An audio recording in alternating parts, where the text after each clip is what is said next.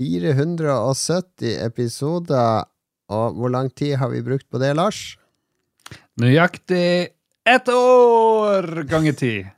Tenk om vi hadde laga 470 episoder på ett år! Det hadde vært litt kult.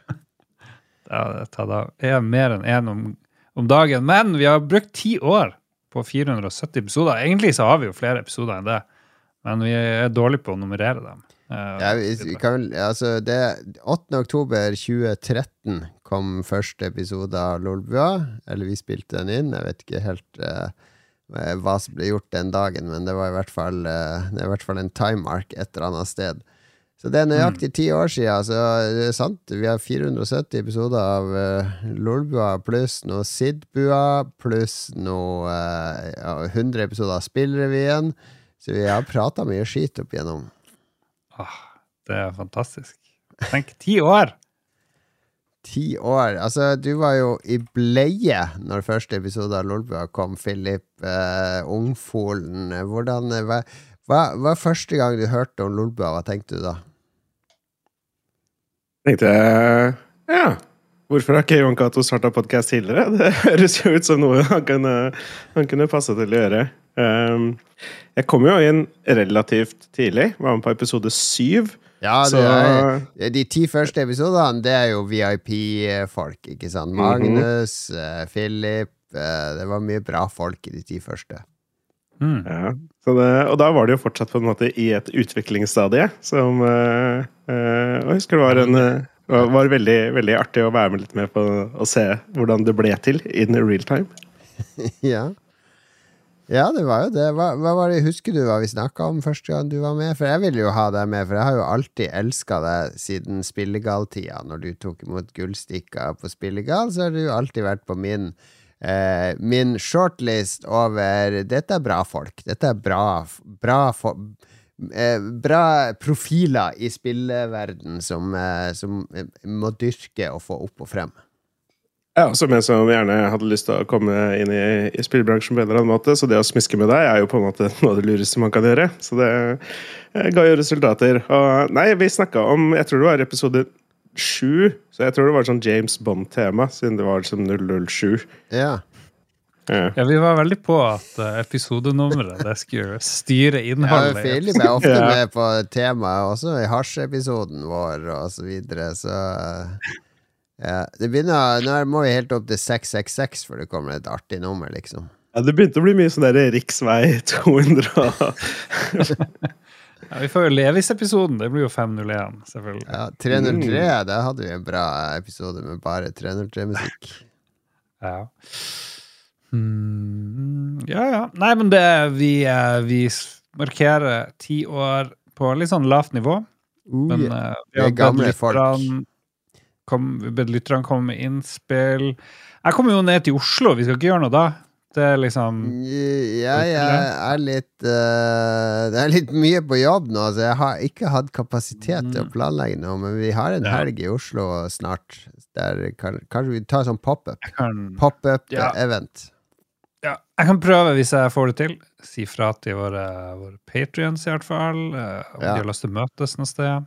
Det var, eh, det var jo spillquiz på Tilt i går, og da var det opptil flere som kom og gratulerte med ti år. Og lurte på om vi hadde spilt inn sånn, noe spesiell tiårsepisode ennå. Men nei, den kommer, kommer, i morgen, så Uff. Ja. Håper du ikke er hypa. Jeg tror eh, det kommer, det kommer, Nei, det er veldig lite hype. Det kommer en helt spesiell uh, spalte litt senere, som er litt sånn uh, special. Men uh, jeg tenker vi sparer den enorme festen til episode 500, sikkert. Tipper jeg. Ja. Hvis jeg kjenner oss rett. Det, det, det er jo det vi har brukt. Hvis vi er i live. Bare 30 til. Mm. Skal holde ut. Jeg tok meg friheten å gjøre en liten greie på søndag. da. Den var selveste 8. oktober, den ja. tiårsdagen.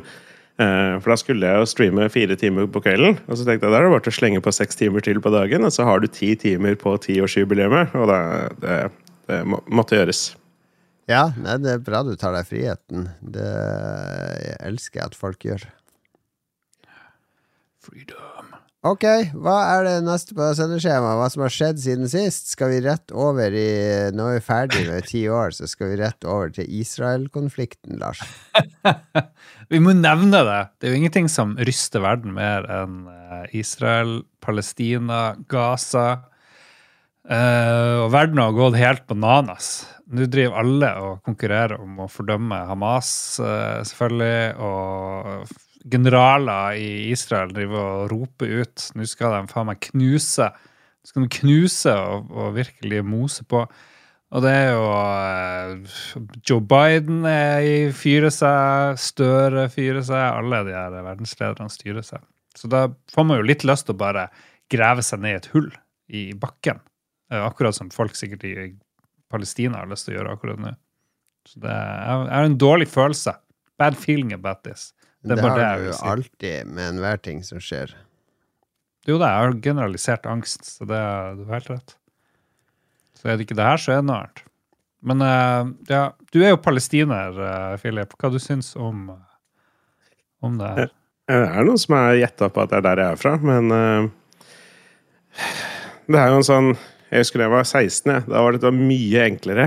Da var det så enkelt og simpelt å bare rope 'fritt Palestina', gå med palestinaskjerf og sånne ting. Å, det var gode tider. Det er jo en så håpløs eh, situasjon, hele greia der. Eh, så eh, Nei, det er sykt kjedelig. Det er umulig å liksom komme unna at man har tenkt på det de siste dagene, siden det er, liksom, ja, er en ganske omfattende, omfattende ting i media.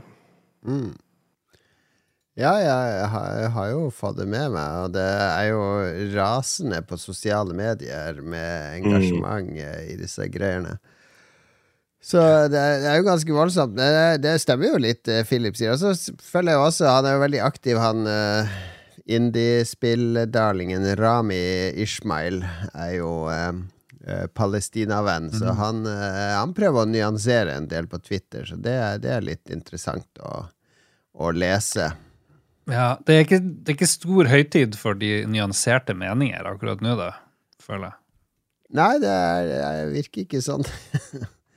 det, virker Nei, men det er kanskje det jeg, liksom, jeg blir mest grinete på oppi alt dette her, er jo liksom hvordan hvordan det er så lett Eller det virker så lett da, for mange å bare ta en side, og så er det liksom Ja, den, den siden man er på. Enten så er så gjør eh, palestinerne aldri noe gærent fordi de er undertrykt, og alt de gjør, er rettferdiggjort ved at de er undertrykt. Eller så eh, lever stakkars israelerne under frykt for terror hele tiden og må gjøre det de trenger for å kunne holde seg trygge. Og det er liksom Uavhengig så er det kjipt å drepe folk. Ja. Mm. ja, i hvert fall uskyldige. Jeg så på Så dere debatten i går? Uh, hvor det var noen sånne uh, Palestina-komité, og så var det noen israelere, og så var det Det var så, det var så enorm avstand uh, mellom folk at jeg skjønner godt at det, det, ikke har blitt fred der siden Jeg trodde Oslo-avtalen hadde løst alt dette. ja, jo, Oslo-avtalen var jo kul, men nei, det der er bare det, det, Hva det heter den der Stormtroopers of Death-sangen? Bare Fuck the Middle East, som den så fint mm. heter. Ja. Det ombefatter jo alle her, føler jeg. Ja. Nei, men den, jo, den, sangen er jo også pro-Israel, da, for den slutter jo med Let's kill them all and have a ball and end their fucking crisis. Altså, du skal bombe alle, sånn at Egypt og Israel får leve i fred, er budskapet i, i den sangen. Så jeg vet ikke om vi skal dra fra den her og nå som et, eh, et godt politisk uh, budskap. Ja, men jeg tenkte jo I dag så tenkte jeg jo på uh, For da tenkte jeg på Er Norge Israel? Fordi mm. på Karl Johans gate i dag så var det jo satt opp en lavvo, og det var hundrevis av samer som eh, hadde okkupert gata nå. De fortsetter demonstrasjonene mot eh, menneskerettighetsbruddene med Fosen-vindmøllene. Mm. Og Da tenkte jeg, er Norge Israel, som har okkupert eh, samenes eh, land? Er dette relaterbart til den konflikten der nede? Kan det eskalere opp dit på et vis? Du som har innsideinfo her, Lars. Innsideinfo. Ja, men det, det, det, er ikke kødd. Folk driver og føler det som en sånn eksistensiell eh, trussel mot sin kultur. For nå har menneske, det liksom Høyesterett har sagt her, det her er ikke bra. Men så driver det norske stat og ignorerte dommen i 730 dager. Det er jo toårsmarkering. I morgen kommer Greta Thunberg òg for å joine de. Ja, ja. Og sist det var så mye temperatur i, i samiske nasjon, det var jo under den her Alta-aksjonen. For det, det, er vel det eneste som minner. Og da drev jo folk og bomba uh, ting. Ja. De var jo klar til å det, det, begynte jo med sånn her sivil ulydighet, og så eskalerte det. Og de fleste var jo veldig sivile og veldig ulydige uh, på en sånn pen måte. Men noen ville jo bruke vold, da. Så var det sultestreik. Eh, var en stor ting. Det var så det er jo kanskje det neste. Elva leve, Tana-elva-krisa. Mm. Men nå har vi mista alle lytterne i denne jubileumsepisoden. Men en observasjon jeg hadde på de fordi jeg, jeg jogga jo til jobb, så jeg merka ikke så mye til disse gatene. Altså, de, de, har jo satt seg på Karl Johans gate, der det er ingen trafikk. Så de sperrer jo ikke for noe som helst. Altså, de kunne jo satt seg på E6 eller et eller annet hvis de skulle ha noe impact. Men ja. greit, det, det, er en god markering. Men så, så fulgte jeg med i nyhetene og VG og sånn. Så det sånn klipp. Her de, har de okkupert Stortinget, joik inn på Stortinget og sånn. Og så sier jeg, det er jo bare samiske damer. Hvor er alle Gidder ikke mennene å engasjere seg? Ni av ti av de demonstrantene, du ser på bilder derifra, er damer. Altså, er det sånn at eh, mm. samiske kvinner ikke har lov å jobbe? Er kjønnsrollemønstrene helt utdatert der òg? Det er bare menn som skal drive med rein, og, og så skal kvinnene være i lavvoen og lage mat? Eller er, det jeg, jeg, Det fikk meg til å reflektere Mange spørsmål. Mange spørsmål. Du stiller bare spørsmål. Nei, jeg er usikker. Jeg er usikker hvorfor det er mye damer. Kanskje det er de som det, det, De sier jo at det er mest tak i damen på mange vis. Det er ja, de som tar utdanning, det er de som uh, stormer frem i verden. Kanskje gjør de det i Sameland òg. Jeg tror, jeg tror, på det. tror på det. Nei, det var bare en observasjon. Nå, nå må vi ha noe ku... Vi kan ikke holde på med samer og Israel og politikk. Philip, redd oss. Redd denne episoden. Ja. Jeg, jeg, tenker Uansett hva jeg har lyst til å kommentere på, så det, det drar det bare oss mer ned i den sirkelen. Så det, det, er en av de som har bodd utafor Stortinget i en, i en måned i dag, da. så gratulerer til han. Ja. Uh, jeg har uh, gjort noe litt annet enn å tenke på Israel og Palestina. Jeg har vært på NM i Fighting Games i helga. Mm. Og det syns jeg er litt hyggelig, mest for å liksom kaste litt, uh, litt lys på det. Er det Fighting Games generelt, eller er det bare ett fighting game? Det er det som er litt av greia. Nå har de, de har liksom gått sammen tre forskjellige miljøer for å gjøre liksom eh, Fighting Games-NM over en helg her på Høgskolen Kristiania yeah. nede i Oslo. Um, og da var det Tekken, selvfølgelig. Uh, Street Fighter, uh, Guilty mm. Gear og Super Smash i to versjoner. Mm. Gikk du til finalen? Jeg gikk til den moralske finalen. Eh, nei, jeg var ikke med som deltaker. Uh, jeg hadde litt lyst. Jeg hadde planer om det, men så kom Boulders Gate 3 og ødela alt ved å stjele sånn 500 spilletimer av meg som jeg hadde tenkt å bruke på andre ting. Uh, så det ble ikke noe av. Men det var uansett veldig hyggelig å på en måte stikke innom og, og sjekke ut. og sånn. Det er en fyr som heter Vetle, gjør utrolig mye for det, det miljøet og står på veldig og sånn. Så det Ekstra shout-out til, eh, til, de. Det var et mm. kult arrangement for veldig mange, virka det som. Ja, ja. Koste du deg? Føler du som Du er jo en, en sånn allrounder på spill som egentlig kan spille det meste, Philip. Føler du at du må være god i alle spill? At du har noe å bevise? Syns ikke det er Jeg syns ikke det er like gøy hvis jeg ikke, hvis jeg ikke føler meg god. Det, det, er mye det. Jeg kan gjerne manipulere meg ja. selv til å føle meg god. Sånn som i Boulderskate 3, så har jeg ikke noe problem med å liksom save-scumme masse og sjekke guider og sånn, sånn at jeg skal liksom virke som en mega-badass ved å drepe alle. Fordi ja, det får meg til å føle meg, føle meg god. Uh, og ellers så spiller jeg sånn som League og Hairs of The Storm, og sånne ting, og der er det jo det PVP-aspektet. Men der kan jeg alltid skylde på liksom, laget når jeg taper. Det er veldig enkelt. Så jeg er fortsatt god. Ja. ja Elden Ring òg gikk du jo eh, inn for med armer og bein. Ja, og da var det også det var verdt å gå og grinde i en tjuetalls timer for å bare bli god nok til å liksom ikke tape for alltid. Eh, jeg og Dag Thomas har litt sånn eh, motsatt eh, innstilling til, til spill. Vi, det var et eller spesifikt vi snakka om her om dagen, jeg husker ikke hva det var, men hvor han bare burner gjennom og får så vidt på med seg storyen, mens jeg gjerne vil støvsuge på én gjennomspilling. Sweet. Det var det vi har tenkt og gjort siden sist, tydeligvis. Det, det, det vi begynte hardt med tiårsjubileum, så toppa det seg med liksom Israel og samer, og så kom vi ned på jorda igjen med NM. Og så eneste jeg er litt skuffa over, at Philip ikke prøvde seg i Tekken Championship, så det gleder jeg meg til. Hvilke tre figurer er det eneste som er med i alle hovedspillene i Tekken-serien? Meg eller Lars, for jeg veit jo. Ja, Lars. Eh, tre som er. Heihachi, er han med i alle? Nei, han døde jo Nei. etter fire eller Nei, fem. nei det er, jeg, jeg satt og googla dette her okay. I går, Jon Cato. Og han, han, er, han er med i syv av de, men han er ikke bekrefta til å være med i åtte. Ok. Nei, han er ikke en av de. Skal vi se, han uh, Paul Phoenix, han må jo være med. i alle. Han er med! Han er med. Ok. Uh, og så hvem er det? Nina Williams. Nina med! Ja! Var det siste. Wow. Eneste som får lov å slåss med våpen. Ok. Er det flere som er med i alle? Ja, Ja, en til. En til, en som, til. Som har våpen. Som har våpen? Ja. Eh, tj- Får lov å slåss med et sverd. Sverd. Å ja, han uh, Yoshimitsu. Yoshimitsu! Damn, du er god, Lars. Du er god. Tekken, Takk. det kan han. Litt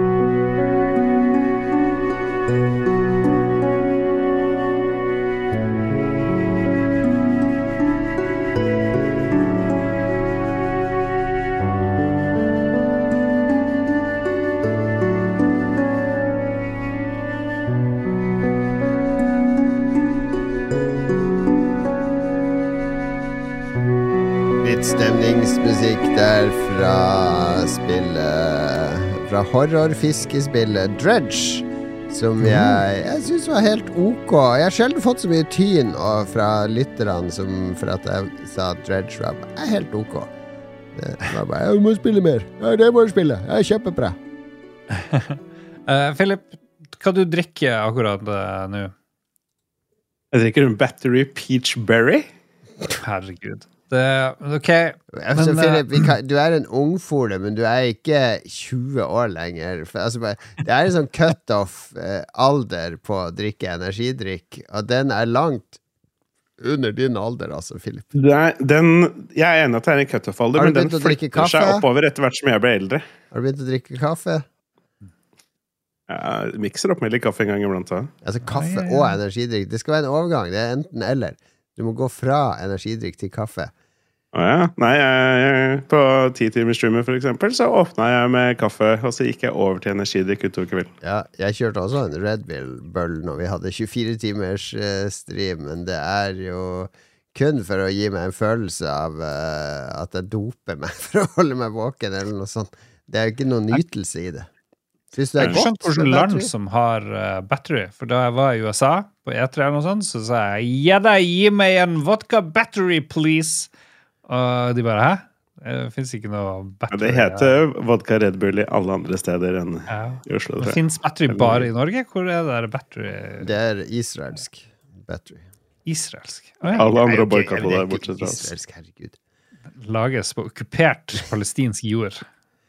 Bat, skal vi se Battery, energidrikk Ringnes. Ringnes. Ja, det skjønte jeg. Det er bare Norge som har det der. Opplegget. De Ja, har, eh, har du, Ok, eh, terningkast, Philip. Battery juiced bright sour apple. Den, eh, det, jeg liker ikke de juicene. Nei. Terningkast to. Battery blue. Terningkast tre.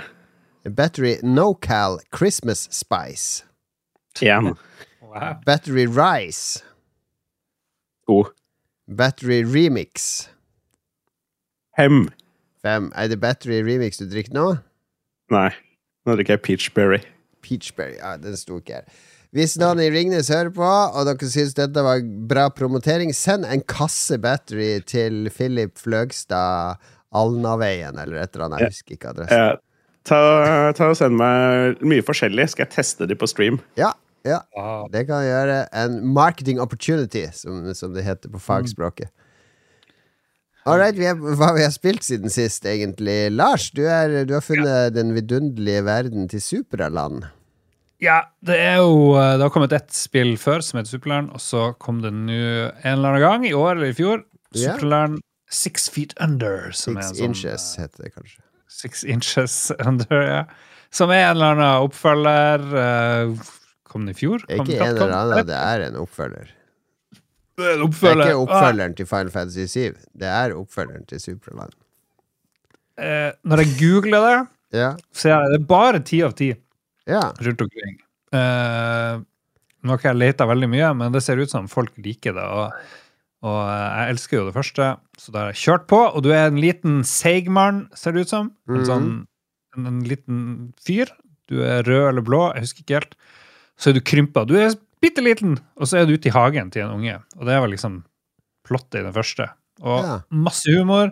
Det var en sånn ene aleneutvikler, og det var kjempe, kjempebra. Ja, for det, det er jo blanding av Portal, Zelda og Metroid, står det på Steam-beskrivelsen, liksom. Stemmer det? Ja. ja. I første helt ja, Jo, jeg vil si det, det minner ganske mye. Og så er det veldig imponerende, for det er lagd av sånne her kjempefå folk, eller bare. Det er Eller, en tysker her, tror jeg. Tysker. Ja, ja, det er Deutsch, for det er mye menyer på Und the Deutsch. Jeg tror jeg skulle si at det Ah. var mye sånn tysk symbolikk og sånn i spillet. Oh, Ja, du går rundt i sånn SS-uniform. Det er veldig merkelig. Det glemte jeg å nevne. Er oktoberfest hver dag i spillet. Ja.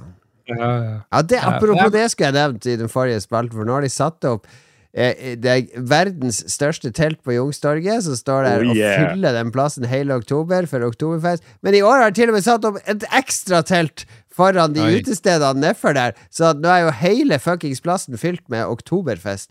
Eh, Forkastelig. Forkastelig. Men ja, Lars, six inches under.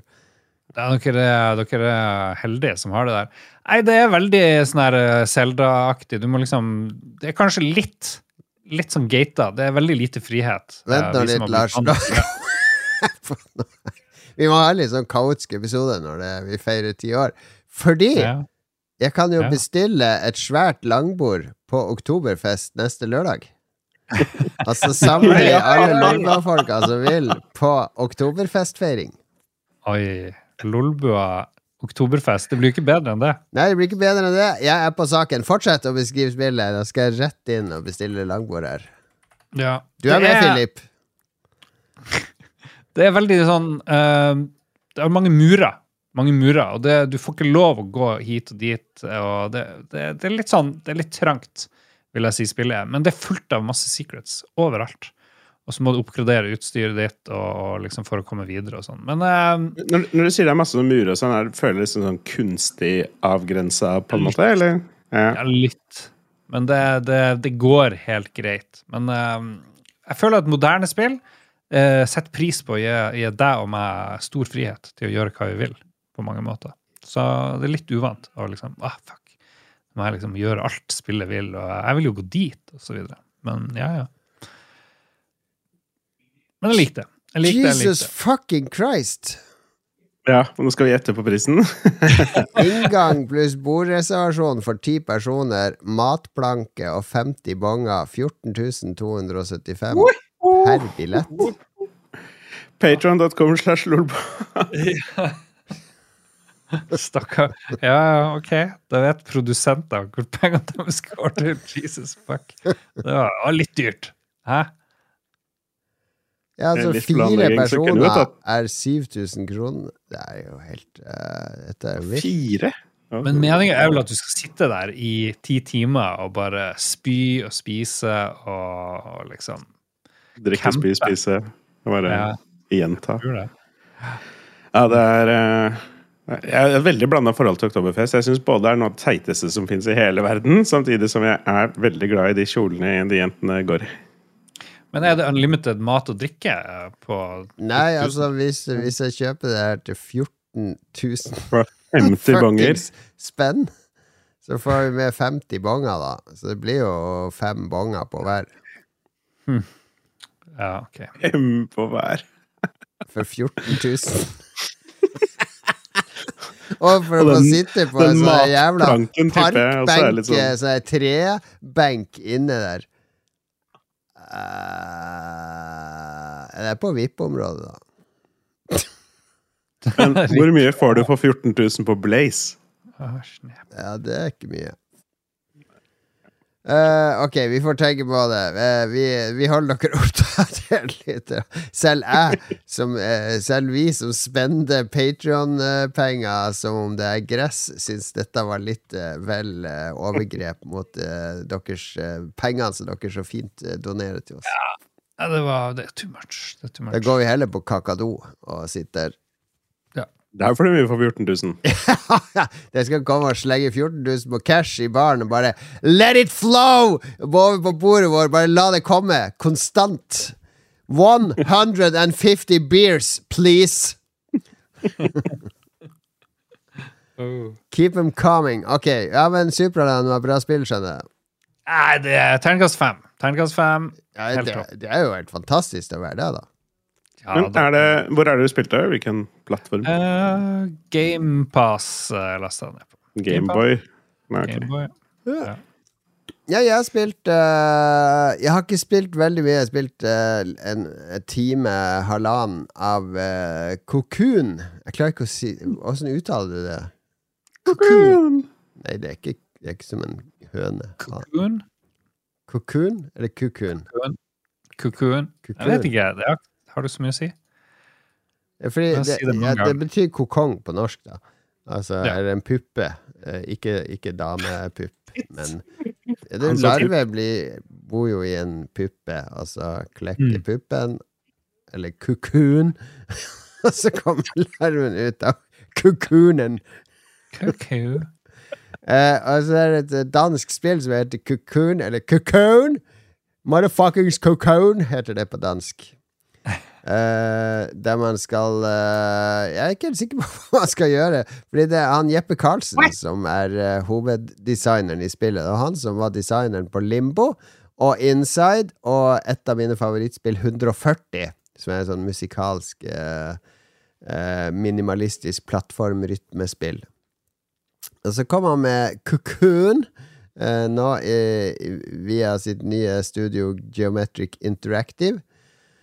Eh, og det er gitt ut av Anna Perna. Og det er sånn top down tredjepersons uh, spill der du Jeg går rundt og plukker opp eller manipulerer gjenstander. Det er puzzle-basert, da. Det er ikke plattform eller action, i hvert fall ikke foreløpig manipulere gjenstander, uh, åpne dører, og blir på en måte manipulert gjennom en eller annen path. Jeg føler det er relativt lineært foreløpig, men møter hele tida nye sånne logiske utfordringer, og eh, så reiser du liksom imellom verdener, og så kan du ta med deg en verden i en sånn boble til en annen verden. Og det er litt eh, Det er snålt, da, sånn som du forventer fra Jeppe Karlsen. Men også veldig tilgjengelig, og veldig sånn dataspill eh, Selvbevisst dataspill, at dette er et spill. Altså det er jo ikke noe logikk. Ofte når du spiller Last of Us og sånn, så må de prøve må, eh, Gåta må være logisk, så vi må lage sånn at bussen har krasja her, og at den spaken der åpner den eh, inngangsdøra på eh, supermarkedet, og at du kan klatre på bussene. Altså, de må liksom ha fundamentet i noe troverdig, og det trenger jo ikke dette å være, fordi det er en alien eh, fantasiverden som ikke forklarer noe som helst. Så, så jeg løser puzzles som åpenbart er satt der bare for å være puzzles som jeg skal løse for å komme meg videre. Og det syns jeg er veldig befriende. At spillet ikke må unnskylde seg for å Dette er bare gameplay som vi har lagt på denne verden for å engasjere deg som spiller. Gameplay eller lat uh, spilldesign? Vi gidder ikke å gi en full opplevelse. Nei, men er det ikke litt deilig å ikke gjemme det som vi egentlig er ute etter? Kamuflere det? Eh, for eh, Ja, nei, altså det, det er dette det handler om. Altså Manipuler disse tingene og kom deg videre. Tror det kommer litt an på konteksten. Eh, eh, Spilte det, Var det ikke det The Witness det het? Som du gikk rundt på en Ja. øy og bare løste gåter? Ja. Ja, for det Likte du det på samme Ja, måte? Ja, jeg, elska Witness. Ja, for jeg gikk liksom litt lei av å bare liksom gå fra gåte til gåte. Jeg liker liksom at det er noe kontekst rundt det. Blir lei liksom, av å gå fra gåte til gåte når man ikke klarer å løse dem. Det skjønner jeg. Ja, bli på en gåte og bli på en gåte. uh, men uh, det jeg ser av Cocoon, der er det jo på en måte i hvert fall satt i en verden. Der føler jeg at jeg er på en reise som på en måte bare uh, gjøres mulig av å løse gåter. Ja. Og det ser, ser litt artig ut. Lars er mest opptatt av Steve Guttenberg-filmen 'Cocoon', med disse gamle folkene som eh, bader med noe sånn alien-egg og blir unge igjen. Det er masse sexy gamle damer i den filmen. Ja, ja, det er jo eh, eh, Maureen Stapleton og Jessica Tandy og Gwen Verdon og Herta Ware, Tony Welsh og Linda Harrison. Oh, mama! Uh, mamma. Ok, ja, men kokun uh, Kukun Puppe kan anbefales Pupp anbefales uh, varmt. Uh, kan aldri gå feil med Jeppe og Pupp. Så eh, jeg, jeg vil absolutt anbefaler å spille det. Jeg tror det er ute på GamePass, uh, Lars, så du kan spille det uten å investere et rødt øre i å spille det. Og det er nok også derfor det har så få reviews på. Steam. Ja, nei, jeg så det var ute på både PlayStation og Xbox og Steam og full rulle. Så Ja. det er ikke mulig å ta en titt på det. Jo, men er det noe synergi hvis man har likt Inside og Limbo godt, så vil man like dette? Eller er det såpass Det er annerledes? noe likhetstrekk, og det er, det er veldig smooth movement og animasjon, og det er noen sånne ting jeg kjenner igjen, men du hadde ikke, hvis du ikke hadde visst at det var samme eh, kar bak, så tror jeg ikke du hadde kobla det med en gang. Riktig. Jeg hørte at Ubåt-Madsen òg bidro til det her kukuen. Ja, Hva skjedde med han egentlig? Han er i fengsel. Å, ja. han er det. Designspill. Ok, Philip, kjør på. Ja. Endelig, nå har dere snakka om sånne nye og spennende titler, så får jeg dra det tilbake i søla igjen. Fordi jeg måtte nesten gjøre en Lars denne uka her og bare spille et eller annet for å få gjort det. Men så kom jeg på den ti-timer-streamen, så spilte jeg jo Final Fantasy 9. Ja. Og det har jeg jo gjort før, for så vidt. Men eh, det er veldig, veldig mange år siden, og det er jo et veldig fint og litt sånn semi-undervurdert Final Fantasy-spill. Eh, jeg vet ikke Hvem om er de her eh, barna? Han Ser ut som mye barn. Han der, Ja. han der som de har stjålet fra Masters of the uh, He-Man. Masters of the Universe-troll. Ja. ja. Spøkelse. Ja. Er det ikke det? Ja, det funker jo, det. Vivi er en veldig populær karakter. Liten og søt og har en veldig koselig historie. Og det er, så, det er en så god vibe i det spillet hvor Ah, Ok, jeg skal ikke rante for mye om det, men det er liksom eh, Final Fantasy-utviklingen på PlayStation 1 og PlayStation 2 var litt sånn spesiell, hvor Final Fantasy 7 kom, og så var det tidenes objektivt sett beste spill, og masse rekorder og helt fantastisk. Og så følte de at de måtte overgå det med Final Fantasy 8, og så forsøkte de å gjøre det sånn megarealistisk for å på en måte veie opp for den kritikken Final Fantasy 7 fikk for å ha veldig sånn blokkete figurer og sånne ting. Mens i 9 så gikk de liksom back to basic, og bare eh, vi, her skal ikke folk se realistiske ut, liksom. Folk har haler og er androgyne monstre fra sumpen og liksom eh, De bare ville lage en kul fantasyverden som var eh, eh, På en måte Som sugde deg litt inn, samtidig som den på en måte bare lot eh, ting være overfladisk nok til at var bare å liksom, ja, ha det hyggelig og koselig, og det er en sånn hyggelig vibe i spillet, selv om selvfølgelig verden går jo under etter hvert, og man må jo stoppe det og sånne ting. Ja, det kan være Som- koselig selv om verden går under. Vi har det jo Ja. koselig her nå, selv om verden går under. Eh, sitter Lars og tenker på. Er det i Final Fantasy 9 at det er sånn her uh, skuespill? uh, Ja. De driver og holder Fordi jeg prøvde å spille det på nytt for noen år siden. Det, Mm. det var artig. Ja, jeg syns også det har holdt seg, holdt seg relativt Eller holdt seg kjempefint. Jeg syns det, er- det er kjempekoselig å på en måte gjøre den returen til Final Fantasy 9. Eh, og det, det er helt rett, det er et sånt skuespill i starten som på en måte bygger opp, eller setter eh, stagen for eh, for historien og hvordan den utvikler seg. Og det er en veldig, en veldig hyggelig greie. Men åh, jeg reagerer litt på én ting.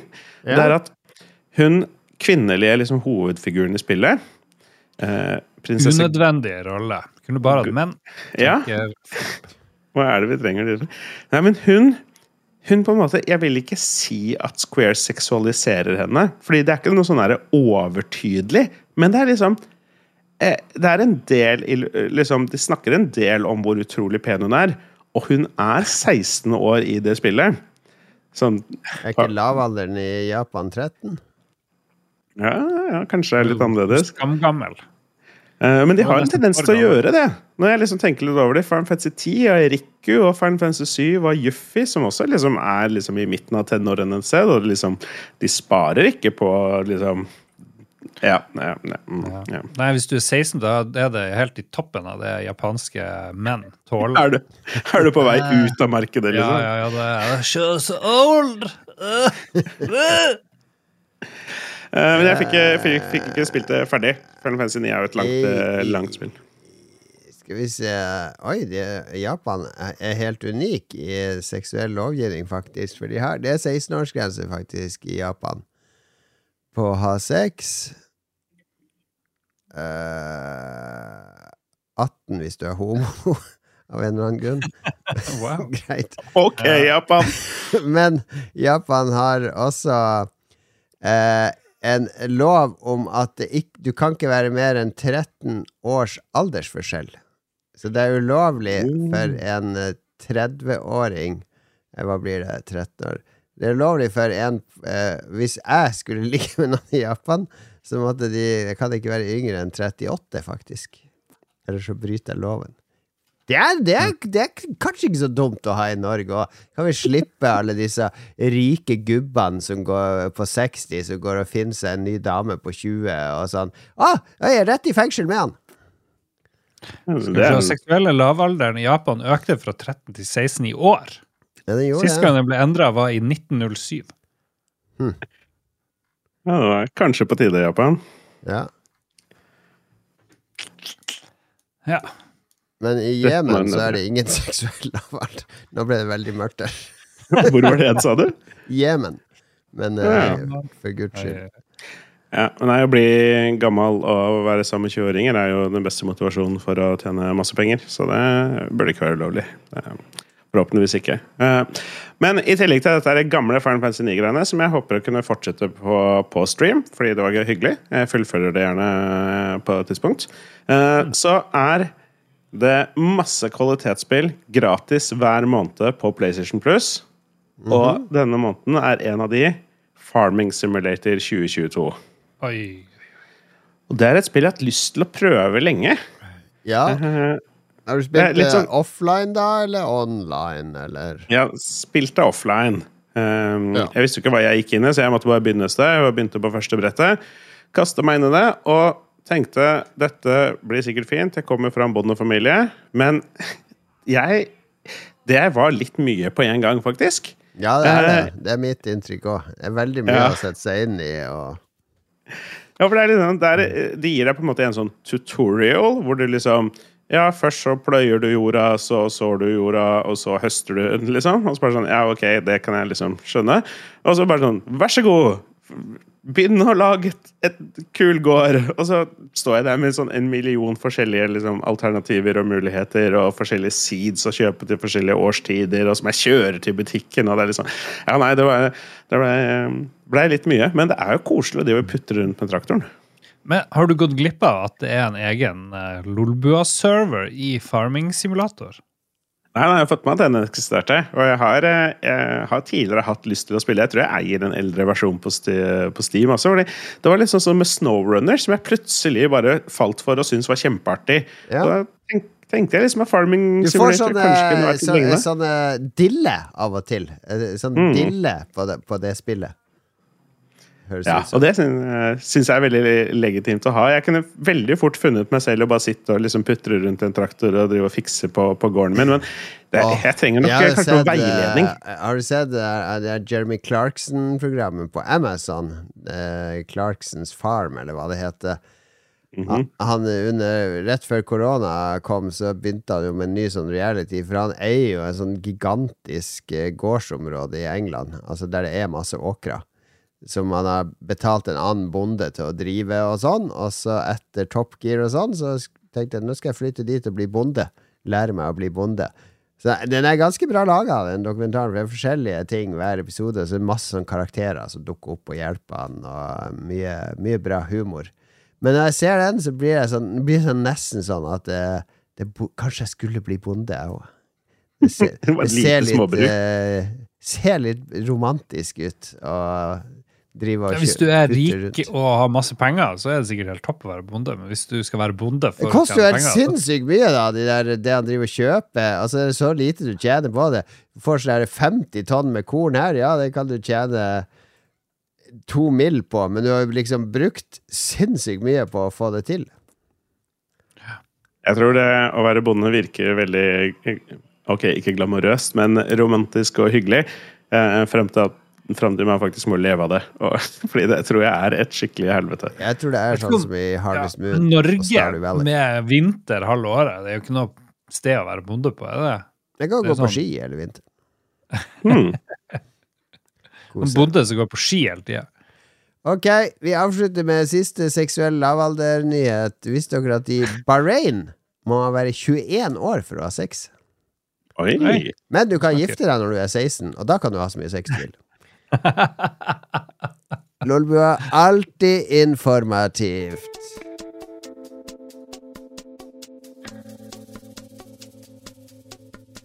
Vi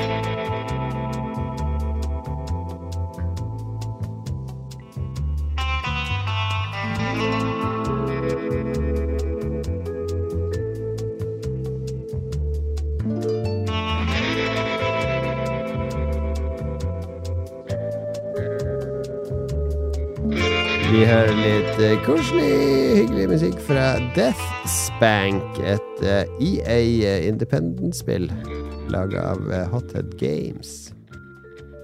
Spank me. Vet du hva den seksuelle lavalderen i Vatikanstaten er? da? Eh, Den var ikke dum. Den var ikke dum. Ja, Tolv år ifølge Google. Er det det? Er det? Tror du de venter helt til da? Det må jo være De har jo en population, så de må jo gjøre et eller annet for å holde dem ved like. Det blir ikke noe barn av å holde på med de Alte-guttene. Det er samme greia i Kenya som i Japan, forresten, med 16 års aldersgrense eller 16 års eh, eh, ble, seksuell lavalder for heteroseksuelle eh, gutter, mens homoseksuelle gutter må vente til de er 25 Nei, de får 25 års fengsel! Oi. Ja, ok. Hmm. Snakkes. Alright. Men kan du fortsatt ha sex med menn så lenge du er heterofil? Nei, vi må gjøre ferdig med det seksuelle. Da. Vi kan ikke ha holdt på ti år, og så er det her Dette er peak Lolbua, liksom. Jeg liker at folk tror det her er en sånn stor tiårsfeiringsepisode, så er det bare ufattelig drit. Uff. Men det er greit. Vi må jo få sånn inn masse god, god faktainformasjon nå som vi har den AI-en til de søker. Ja, Det har kommer, kommer en knallspalte etter hvert, så bare gled dere til den. den blir Ja, det er fordi det tenkte jeg Det kan vi gjøre nå. Uh, før vi går over i månedens spill for oktober, for vi har et par trailere å se. Um, eh, skal vi se Hvis vi går inn her uh, LOL, hva handlet episode Nei, første Hva heter det? Episode én? Jeg tror det var beta, 000 beta-episoden, tror jeg den formelt heter, faktisk. Hva handlet episode én av Lolbua om? Husker du det, Lars? Eh, Nei, jeg husker ikke i det hele tatt. Episode én handlet om en alternativ versjon av New York der dyr kan prate og lever i sitt eget distrikt i Norge. Det var en spennende historie med voldtekter, overgrep og blodige drap. What? Er det her sant? Nei, det kan ikke stemme. Jeg tror han må blande med et spill. Hva skjedde i E001? Det er sikkert riktig spørsmål. Men vi har nemlig, for dere som ikke har fått det med dere, lyttere, vi har nemlig fått en AI som har hørt på alle episodene våre. I 101-episoden av Lolbua snakker Jon Cato, Lars og Ståle Han var nå ikke med der, om etere og deres forventninger til messen. De diskuterer også uh, hva de tror blir vist, og tar imot tips fra lytterne. Det virker som de er veldig spente på og, og håper at de rekker å fly til Los Angeles. Referanse Lolbua 1031. Ok, da. Eh, det fins ikke Lolbua 001. Det fins 000, og så går det rett på 002 av en eller annen grunn. Ja, ja. Ja, stemmer det. Det er Rett gøy. Hva i skjedde med ilandsproblemer. episode 1, da? Tror vi bare gir opp det der uh, AI i sending. Det funker ikke. altså. Lag en oppsummering av de ti første episodene av Lolbua, har jeg spurt om nå. Oi. Snakk om ulike emner som deres beste ferieopplevelser, ulike typer kosthold, korte spill, reiser, briller, dataspill og filmer. De diskuterer også spill som War, Valfaris, Betesta, Rage og deres erfaringer på Spill Expo. Dette høres riktig ut. I tillegg ja. uh, Det er dumme Der, ja. I tillegg deler de personlige opplevelser og aktiviteter, samt gir anbefalinger av ulike spill og filmer. Morsom og underholdende lytteopplevelse, mener A1. Å ja, AI-en skryt. Den vet hvem AI. som uh, gir den strøm. Den AI-en er generelt veldig fan av det vi lager, da, virker det som. Ja. Uansett hva vi søker på, så bare Å, alle likte dette! Den, det er eh, kjempekult. Den, det er jo Dag Thomas som har programmert den, så det reflekterer hans personlighet. er Hans uh, Mm. tanker om Lolbua. Hva bidrar Philip med i Lolbua? Skal vi se hva han sier. Se hva fasiten er.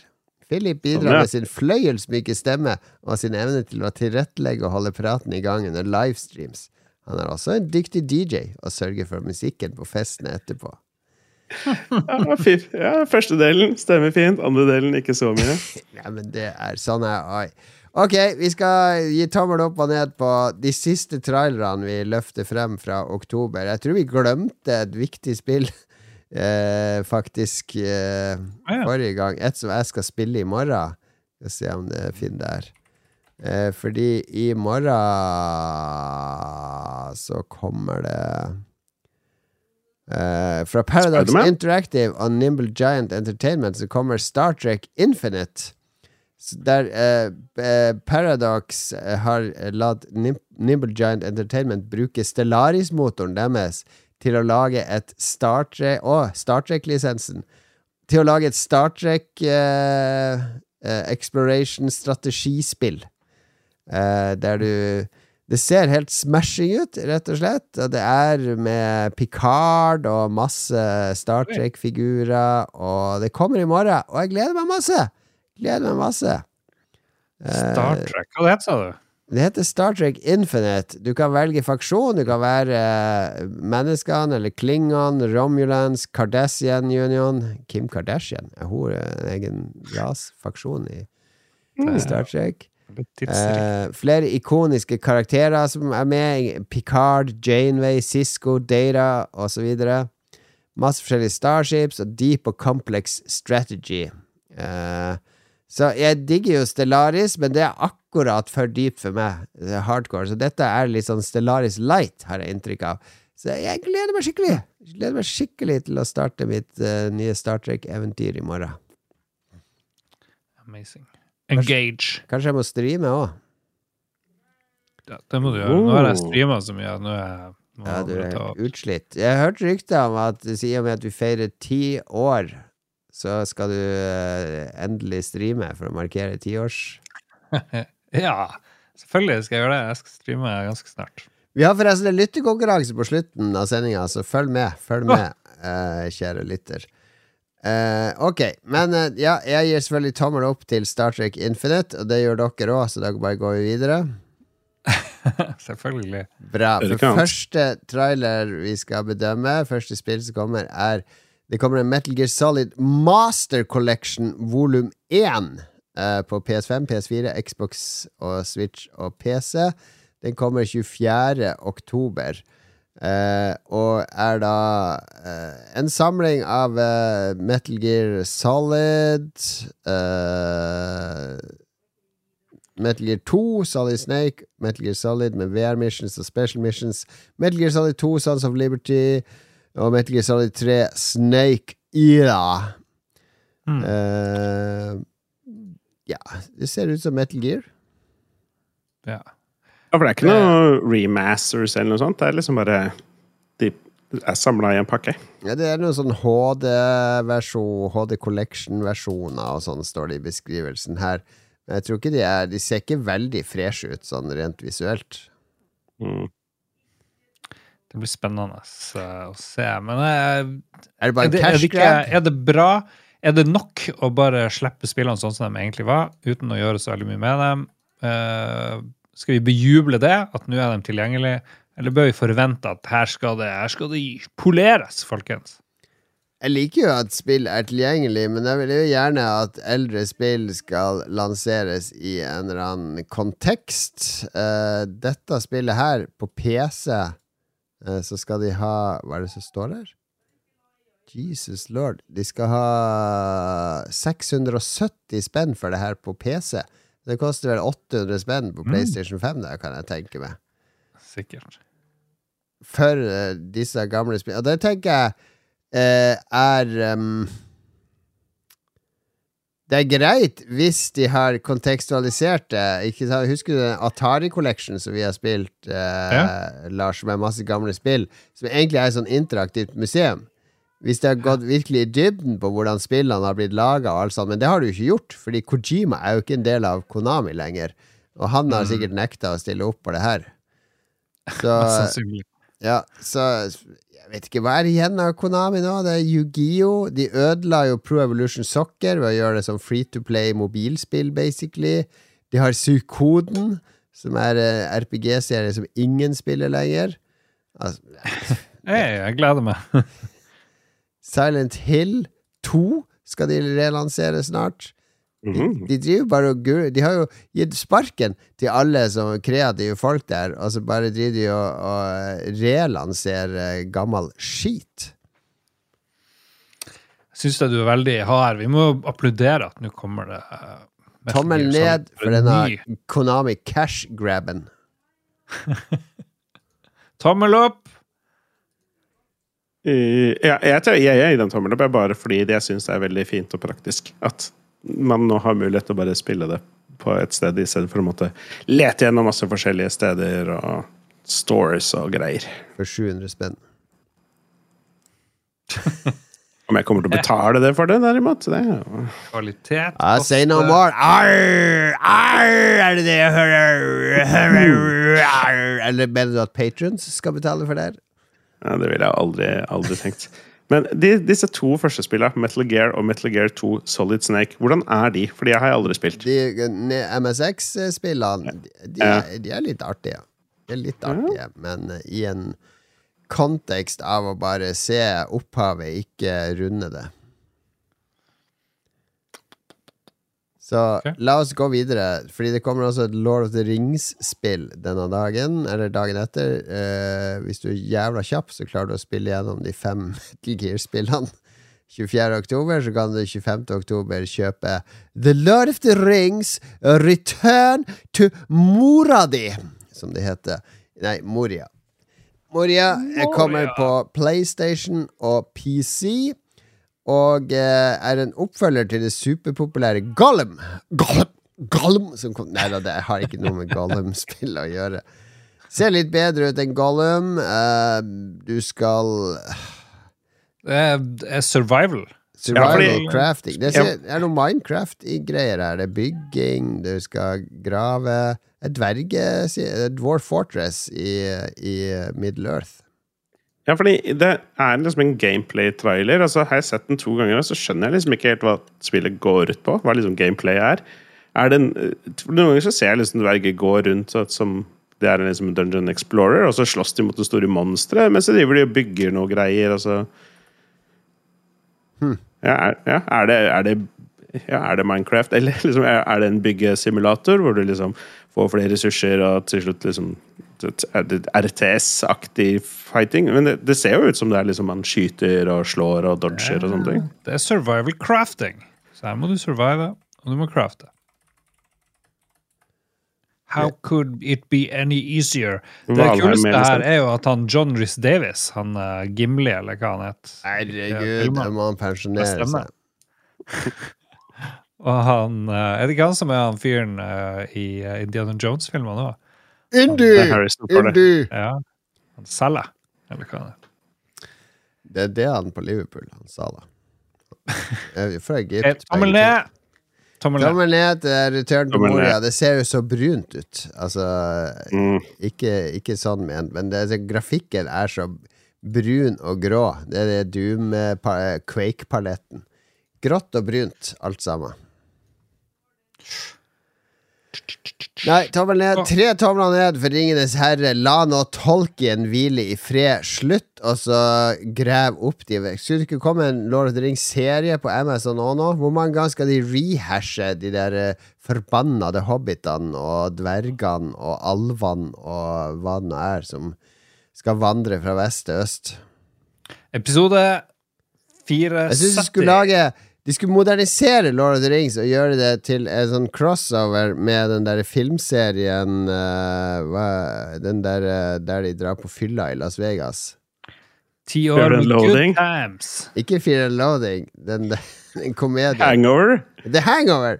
Skal lage yeah. crossover mellom Lord of the Rings og Hangover. At de skal på utdrikningslaget til Frodo.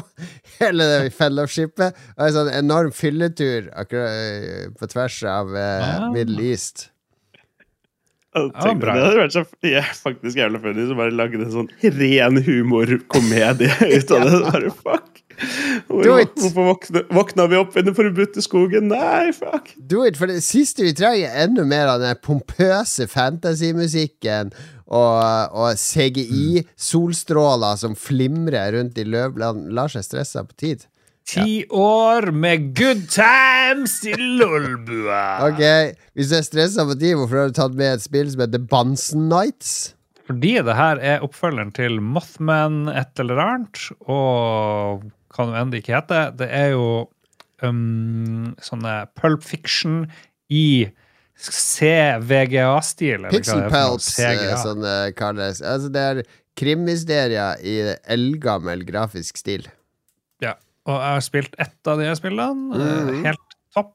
Topp uh, notch. Sørafrikansk, amerikansk. Jeg husker ikke hvor de lager det. Israelsk. Veldig, veldig eh, gøy. Og jeg, det, de forrige spillene har vært bra, så jeg tipper Bunsen Nights også blir helt, uh, helt awesome. Det er litt Dette er jeg for spesielt interessert interesserte. Det, blir, det er veldig spesielt. Du får ikke dille på dette, Philip. Nei, dette er ikke noe Spiller du Noe sånn retrografikkspill i det hele tatt? ja, Final Fantasy 9, da. Ja. Det, det er fordi det er Final Fantasy. Ja. Men Ja, nei, eh, jeg, jeg, jeg, jeg, jeg, spiller jeg, jeg liker en del PlayStation 1-ting, men det er fordi jeg vokste opp med det. Akkurat som dere vokste opp med eh, depresjon i etterkrigstiden. det ser, ser jo artig ut, det Lars. Men det står på Steve at de kommer 14. desember. Oi! Ja. Da blir det gøy. Så nå må jeg klippe ut dette segmentet fra denne episoden. La det ligge på harddisken, og så klippe det inn i inn. episode Det står på, i traileren oktober 26, men da har det vel flytta på, seg? jeg vet ikke. Eller? Ja, det har jo sikkert det, da. Ja. Beklager. La oss finne det ut, så vi ikke forvirrer litt.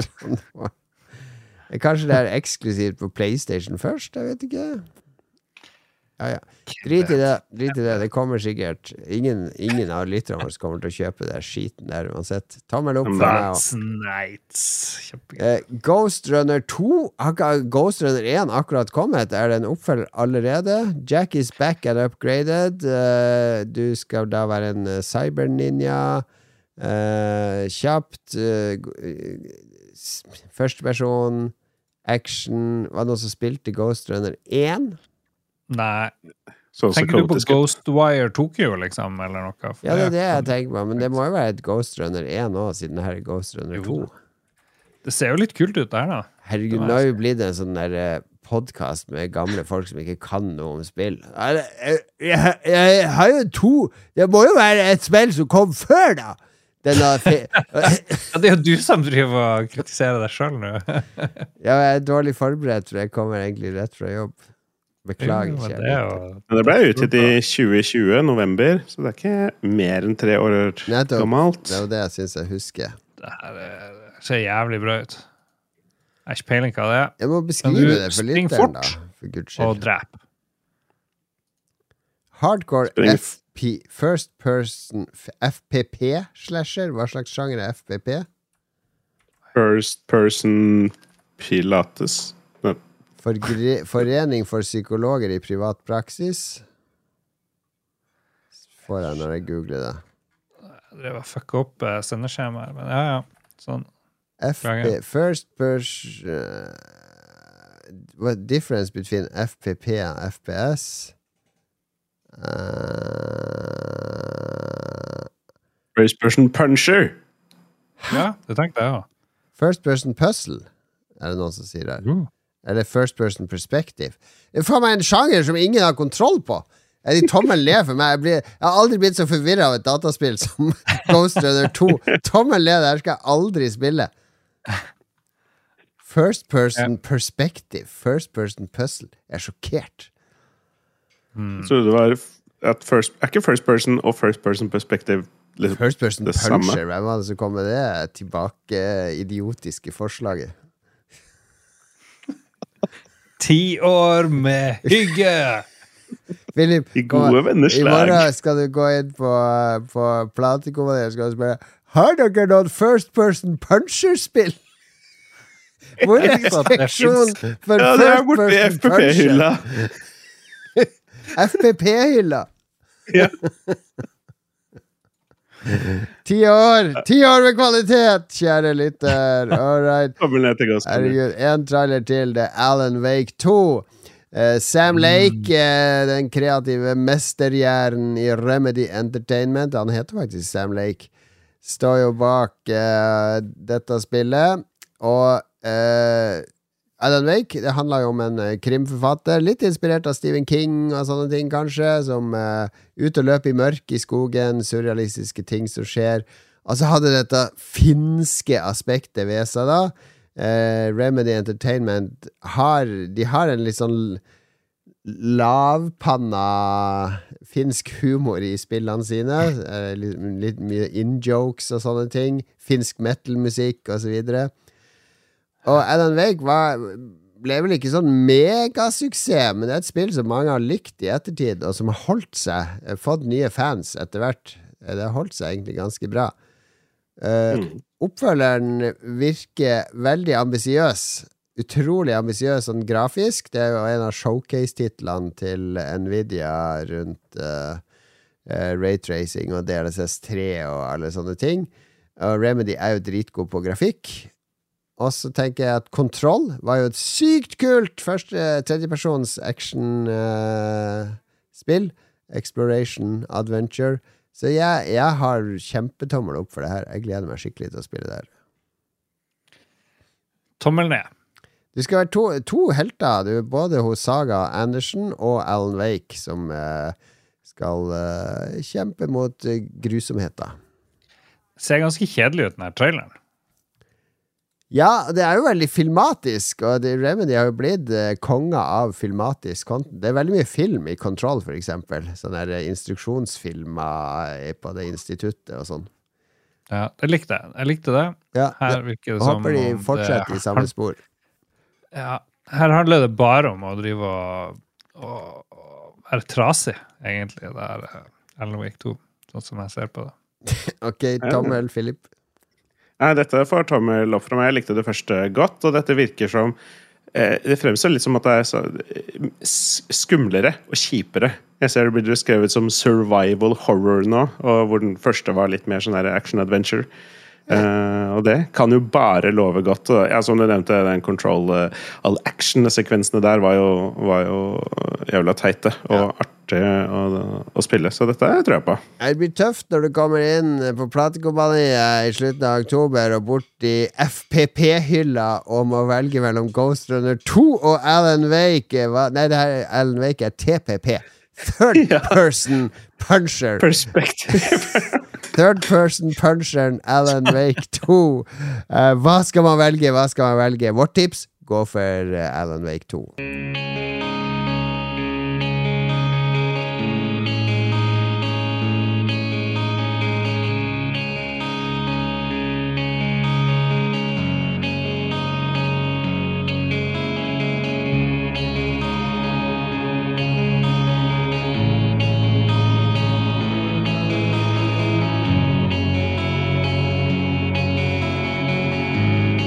Vi hører kreditsmusikken til uh, Duke Nukem Forever.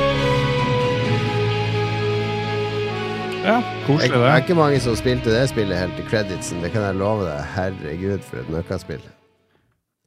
Ja, det, å, ja, det var det som Ja, det, Det var som det, ja. tok Det som eh, endelig kom ut. 20 år å lage, liksom.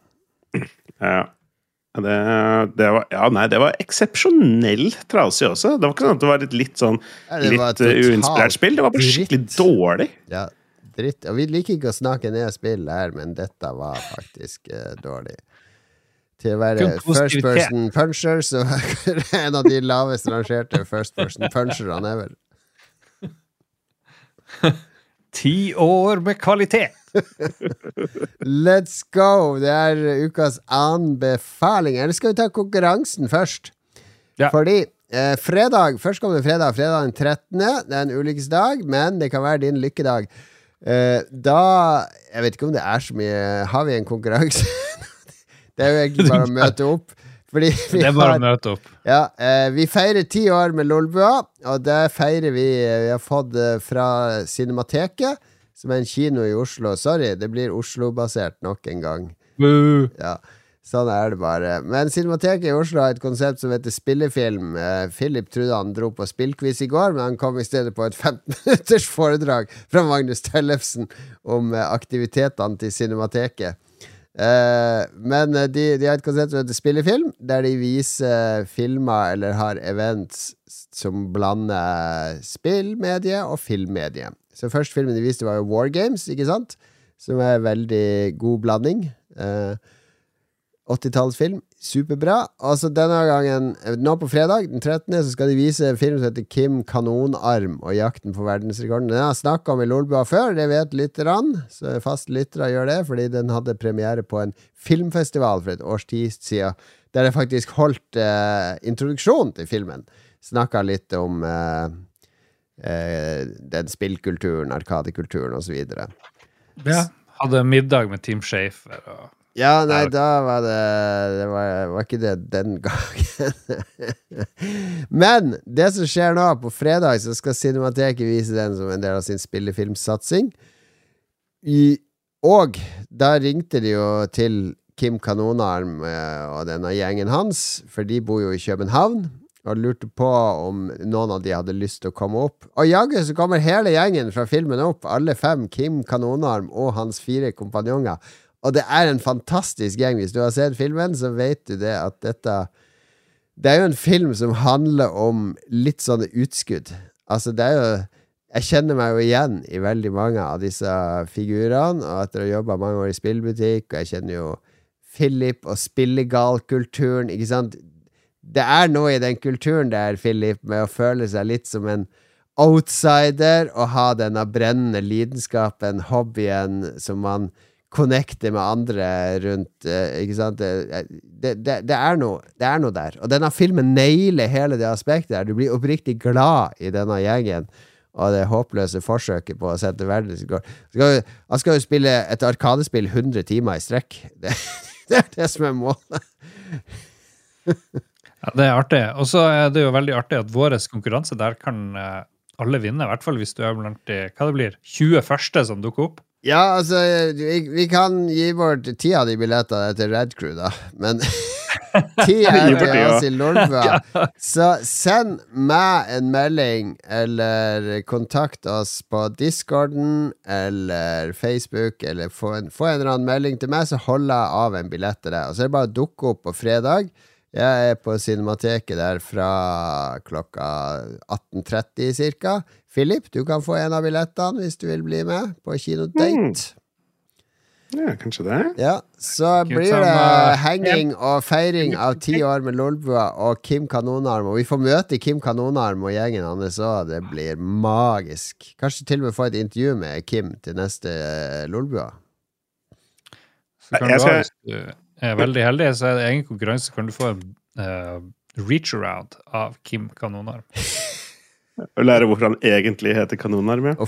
Eh, jeg har jo bare sett uh, traileren av denne filmen, men uh, jeg, jeg syns det virker, litt, virker veldig artig. Ja, du har jo snakka om den før, og hvordan det er liksom dansk King of Kong og sånn, som er en fantastisk film i seg selv. Men eh, det virker jo som en veldig sånn fin gjeng med folk, og det er noe med det å være litt annerledes og være litt sånn, ha en litt sær hobby og sånne ting, og så bare embrace det. Bare Mm. Ja, dette er meg, og jeg skal bare drite helt i hvordan folk ser på meg når jeg går på butikken, fordi jeg vil vokse håret mitt ut i en meter lang hockeysveis, liksom.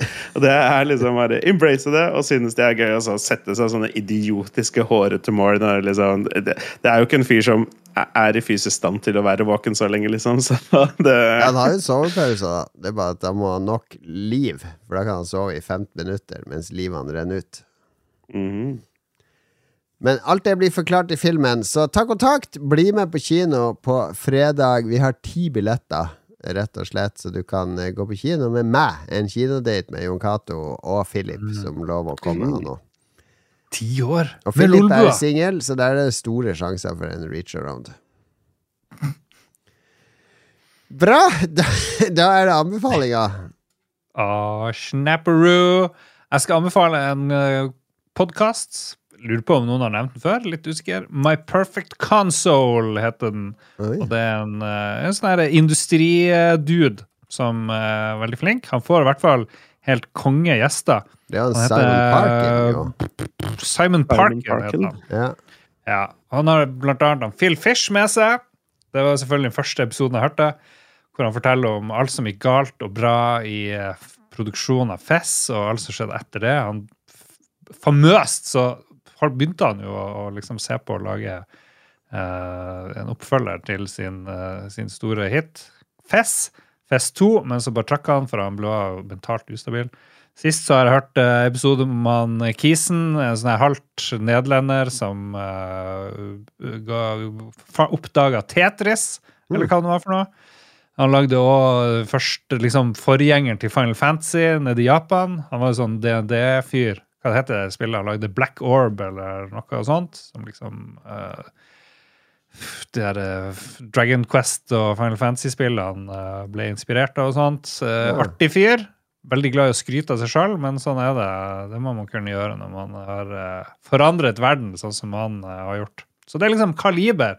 Kaliber på gjestene. I Lolbua så har vi nesten like bra gjester som i My Perfect Console. Ja, det må ikke Vi- snakke ned. Vi har bare ikke hatt uh, Peter Molyneux ennå. Peter Det har jo han her. Når han så Among the Sleep for første gang What a wonderful idea! That's funny. Ja, det er sant. True story. Nei, men jeg prøvde å lese konseptet. eh, at han inviterer noen for å velge fem spill som de vil utgi på en fiksjonell uh, konsoll? Eller hva er, det liksom, hva er konseptet Det for de, må- de må finne frem sine fem topp fem-spill Ja, okay. i verden. Og så, men det kommer på slutten. Det er liksom ikke senter av podkasten. Det det er bare en grunn Ja, mm, ja. Unnskyldning for å kalle dem inn. Mm. Det er jo veldig bra gjester, da. Altså, så jeg, jeg har jo møtt Simon Parkin. Han er jo fast inventar på Maraoke-sessions i England, og gjerne på GDC og i Tyskland og andre steder har vært på Maraoke, for han er jo friend of the show, som de eh, liker. Maraoke-folka de som lager One Life Left-podkasten. Og sykt dyktig eh, skribent. Eh, skriver for New Yorker og Guardian, nei, Observer og, og sånne steder. Og all around Han er en av de her sjeldne spilljournalisttriene som alle liker å beundre. Fordi han er en veldig hyggelig, sånn der eh, tvers gjennom hyggelig og inkluderende fyr. Så det, det er nok hovedgrunnen til at han får med seg alle disse sykt profilerte folkene, som eh, Peter Molyneux og Sam Barlow eh, har han jo som gjest her. Eh, Glenn Moore, Greg Kasavin Han har jo jeg også hengt med på eter en gang. Når, det er jo de, han som lagde Hades og Bastion og, og de spillene. Når de kom med Bastion, første spillet deres i Supermassive Games, så, så ble jeg dytta ved siden av Greg Kasavin i et kvarter for å spille Bastion mens han uh, prata med meg. Nice. Har det en veldig sånn, fin miks av gjesteroller? Det er litt sånn komikere slengt inn, og noen journalister. Altså, Ja. Charles Cecil som lagde Broken Sword, og episoden etter Dan Vekito, han som lagde Trombone Champ. Ja, ja, ja. Det er Hank er Rogers. Hank Rogers, ikke sant? Mannen som eh, fikk Tetris ut av eh, Sovjet. eh. Nei, det er mye, Mm. mye bra her. Nei, dette Jeg hører jo sjelden på podkast, men dette skal jeg vurdere. Jeg, må, jeg hører litt på podkast når jeg kjører kjørespill, fordi det, det forstyrrer ikke kjøringa mi. I samme måte som musikk gjør. Så det, denne skal jeg Mm. legge på wishlista med en gang, Lars. Ja, og apropos uten å ikke bli forstyrra av musikk. Ja, fordi jeg driver og løper, som dere vet, og nå har jeg lagt inn sånn løpeprogram via Garmin-appen at jeg skal klare fem kilometer på 25 minutter. Så den har lagt opp treningsprogram for meg. Men det jeg har funnet ut av når jeg løp, for jeg drev og løp med sånne AirPods og de, de, de, eh, de sitter jo greit nok, men det er ikke sånn at jeg kan riste på hodet eller headbangen når jeg har AirPods i. Det tror jeg veldig få kan. Det er ikke som at du har korka en flaske vin, og så må du for å få de ut av øret. Det er sånn De henger og dingler litt i ørene. Eh, holder seg bitte litt fast. Men sånn, hvis jeg må ned og knytte skolissa, så kan det hende at en av de faller ut. For det, oi, skal du ha hodet den veien? Boop! Der, der forsvinner jeg. Så de har irritert meg litt, så jeg har ofte løpt med lue og sånn, for det holder litt ekstra på plass. Men så er jeg blitt så sykt svett inni ørene når jeg løper med AirPods og sånn. Blir sånn klam i ørene og får litt sånn der eh, eh, Akkurat som får sånn vakuum i skallen. Og jeg syns ikke det har vært så behagelig jeg har vært på sånn timeslange løpeturer. Du har sånn AirPods Pro-greier. Ja, pro. Ikke de som er bare plass, men de som har sånn gummigrep. Det tror jeg blir Det suger. Det sitter jo og lager vakuum der. Så Ja. det, jeg ville gått for de vanlige. Nei, men eh, nå, nå ble jo den ene slutta å lade, så det var sånn Ok, da kan jeg ikke løpe med de. Derfor jeg prøvd å løpe uten. Altså, da jeg begynte å løpe uten musikk Jeg har jo hørt på sånn DJ Mixa eller Discover Weekly-lista mi eller Fransevåg på NRK på NRK sin podkast-app. Det er sånn elektronika-radioprogram. Nå har jeg løpt, og det har vært greit, det, men når jeg begynte å løpe uten, så begynner underbevisstheten å jobbe med ting. Da kommer ideer til lolbua. Da driver jeg og prosesserer ting jeg holder på med på jobb. Da driver jeg og bearbeider signaler fra folk. Da driver jeg og planlegger uka uten at jeg sånn aktivt sitter ned hm, hvordan, Hva skal jeg gjøre neste uke? Så driver hjernen og jobber med sånne ting. Så det er en kombinasjon, fordi den har kommet opp i sånn at jeg kan løpe med en god rytme uten at jeg egentlig trenger å, å Uten at hjernen er sånn Å, fy faen! Å, fy faen! Å, dette går Å, å, herregud, hva holdt på med? Herregud, må løpe saktere! Ikke sant? Jeg er kommet over det steget at hjernen har panikk fordi at jeg tvinger kroppen til å løpe. Og sånn at hjernen eh, bare kan holde balansen, og så kan den jobbe med ting på egen hånd. Og jeg bare dytter den litt i sånn ulike retninger. Så når jeg jogger til jobb, så har jeg på en måte forberedt arbeidsdagen min allerede når jeg jogger uten musikk. Så jeg anbefaler rett og slett å eh, det, det er sånn uh, Folk har blitt lurt til å tro at man skal ha på seg øreklokke eller AirPods når man trener. For det, oh, det skal være sånn ekstra driv. Å, 130 BPM, yes, yes, jeg holder rytmen. Oh, dung, bung, dung, dung, dung. Call on me! Call on me! Call... Nei, det gir deg ikke mer energi. Det, kjør uten. Kjør den rene, pure treningsopplevelsen uten musikk. Og da ikke på et kjøpesenter, sånn at du må høre på folk som Men ute i naturen. Nyt lydene rundt deg, og eh, stimuler hjernen med, med eh, stillhet. De enorme naturlydene når du jogger på jobb. Jeg jogger jo gjennom Ekebergskogen. Masse. Vet du hva jeg vet du hva jeg har møtt de siste to månedene jeg har jogga? På kveldstid har jeg møtt to rådyr her oppe på Lambertseter. Hvor mange dyr har du møtt på vei til jobb, Lars?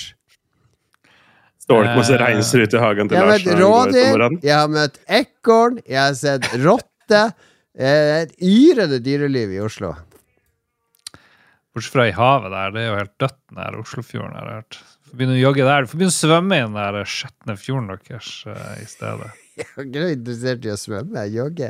Hør han har sluppet opp for argumentet Nå ble han litt hissig. Ja. Ti år med good times! Det var noe i veien år med med dine good ting. i Det hele tatt. times. Det var du som skulle angripe meg. Jeg skjønte ikke det. Ti år med angrep på Lars! Ti år med angrep på Lars. Ok, Philip, er kom det, med er det bare jeg som, som ikke liker å som kan høre på andre ting når jeg trener? Jeg hører på podcaster og YouTube-videoer og sånne ting. Ja, samme Ja, ja, for det er ikke sånn at jeg må ha den pumpen. Liksom. Jeg bare liker å være underholdt, for jeg kjeder meg. Du hører på en podcast om uh, hvordan Erik Pryds komponerte Call on me! Ok, uh, få din anbefaling da, Philip. Ja, jeg anbefaler å Når du hører om noe sånn kult nå, sånn som f.eks. at det er eh, ti ledige billetter til en greie nå på fredag, og du har mulighet til å sikre deg noen av de, Ja. så bare slå til med en gang. Hvis det høres kult ut, og det er noe du er gira på, ikke vent til liksom ja, Se an litt, eller noe sånt. Nå. Fordi Enig. plutselig så er de billettene borte, og det var nøyaktig det som har skjedd med meg og Tenacious D-konserten som skal være i Oslo nå i våres. jeg har kjøpt billett! Jeg var for treig på avtrekkeren, og så gikk jeg inn i dag. 3000, Philip. Hæ? Du faen for 3000. Ja. Det var allerede folk ute som drev og, som drev og solgte de. Eh, Jeg fant faktisk noen som solgte to billetter til utsalgspris, altså 700 per stykk. Men eh, jeg, da må jeg finne en person til som, eh, som skal dra. For alle de andre jeg kjenner, har allerede billetter til ståplassene. Så jeg må liksom ja. Det selger sikkert masse billetter for eh, konserten, tipper jeg. Jeg husker de var jo i, på Sentrum Scene for seks eller syv år siden. Det ble utsolgt sånn, og det var helt håpløst å få tak i billetter. Nå er de i Spektrum. Og jeg tipsa deg og Mats. Jeg vet dere er fans, Lars. Jeg vet dere Ja, satt der og kjøpte billetter. Ja, Vi var jo der for en fem år siden. Det var meganedtur, egentlig. Første halvdel av konserten sto de bak som gardin. Ja, ja. Det var jo mest elendige konseptet noen gang. eh, De hadde. Det var faktisk det første jeg sjekka, for at denne turen heter liksom The, meat, The Spicy Meatball Tour eller noe sånt nå. Og så googla jeg det så for å sjekke sjekklista for å se hva de spilte. For jeg er enig i at sist gang i Spektrum så var det ganske dølt når de holdt på med alle de konseptgreiene sine som ingen hadde hørt om eller sett eller hadde noe forhold til. Ja, det var, det var de, um, Tenacious D la ut bilder og takka alle byene de var på, på Instagram, eller hva det var, bortsett fra Oslo, for der sto alle og bare så liksom med hendene i lomma og lurte på hva er det som skjer første liksom 30 minuttene. Det var, jeg liker, jeg liker Oslo Spektrum-publikum, det bare ga ingen eh, sympati til det her Tenacious D som skulle være som konsept. Det gikk ikke. Det var jo, de spilte hele konseptalbumet til den der eh, tegneserien som har gått på TV i USA, som ingen her har sett, så det ble litt sånn Litt sånn, ja. Men uh, nå skal de spille alle de gamle hitsa og noe, så- litt så morsomme konseptgreier, men uh, ja. Det Ja. slipper liksom at halve konserten er ting man ikke har noe forhold til. Da blir det bra. Da blir det bra. Nei, jeg stol, eh, altså, eh, hvis du validerer det Lars sier, så stoler jeg på det. For jeg stoler egentlig ikke på Lars sine konsertanmeldelser. Det er rimelig eh, Jesus Christ. Jeg husker jeg tok deg, dro deg med på konsert en gang på uh, det er eh, fantastiske sveitsiske rockebandet, og du bare sto De burde vokal, eh, Han der som koret burde få synge mer, og sånn. det var din dom, at uh, koristen fikk ikke synge nok. Og så jeg bare, ja, Han er jo korist, han skal jo bare backe vokalisten. Ja, men jeg vil heller høre han! Ok. Ja. Jeg er en gammel kulturanmelder, vet du. Det er full peiling. Ja, gammel. Trykk på gammel. Gammel. Gammel og grå.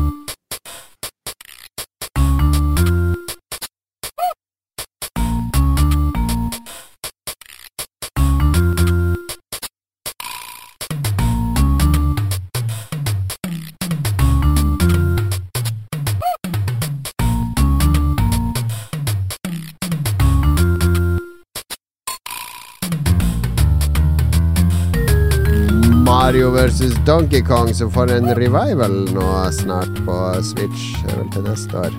Mm. Artig puzzle-konsept med Mario-roboter.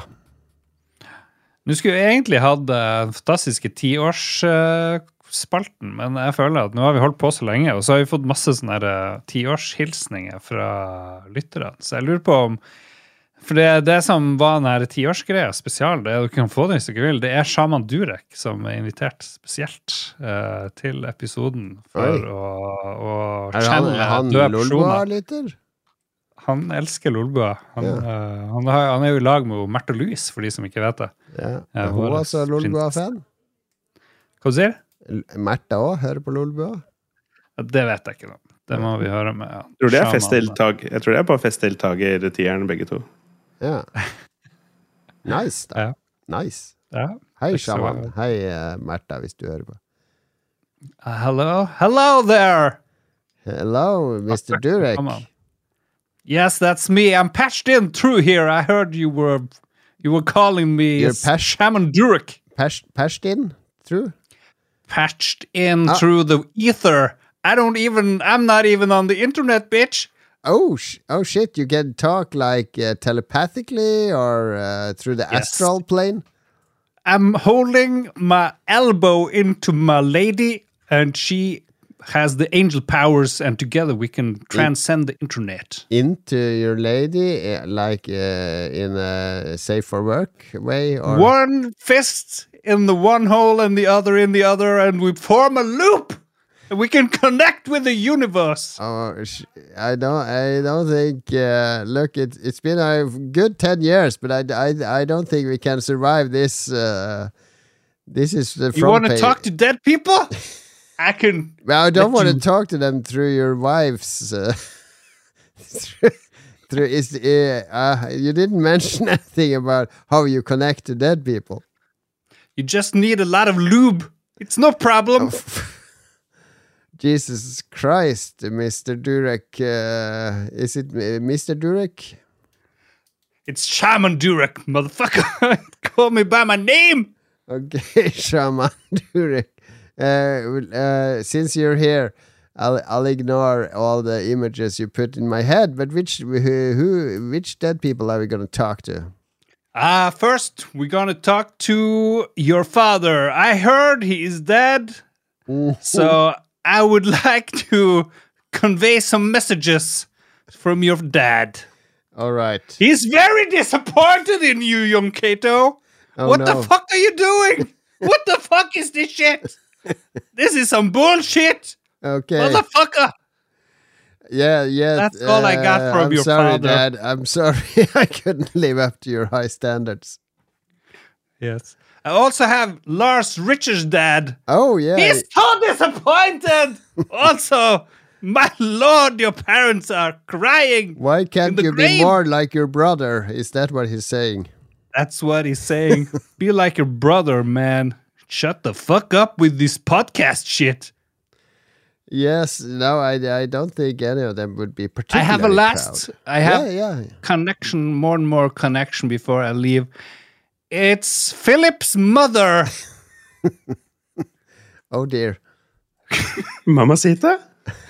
ah, little, little Filippo. Hello, my child.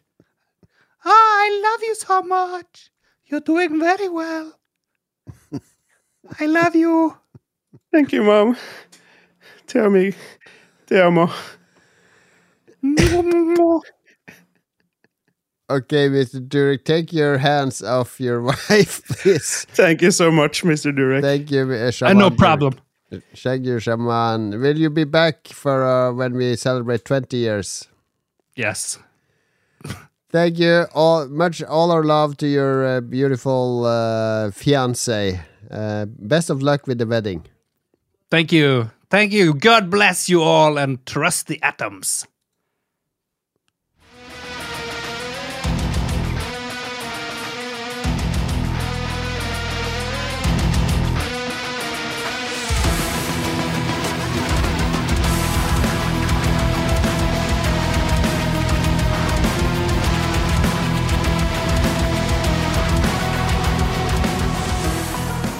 Herregud, jeg liker at alt vi har forberedt uh, tiårsjubileumsepisoden, er Lars som improviserer sjaman Durek. Ja, faen meg. Power. Det var bra. Det var, shit. ja, det var beste Parido-aktige noensinne, vil jeg si. Ja, det er jo utrolig hva man får til.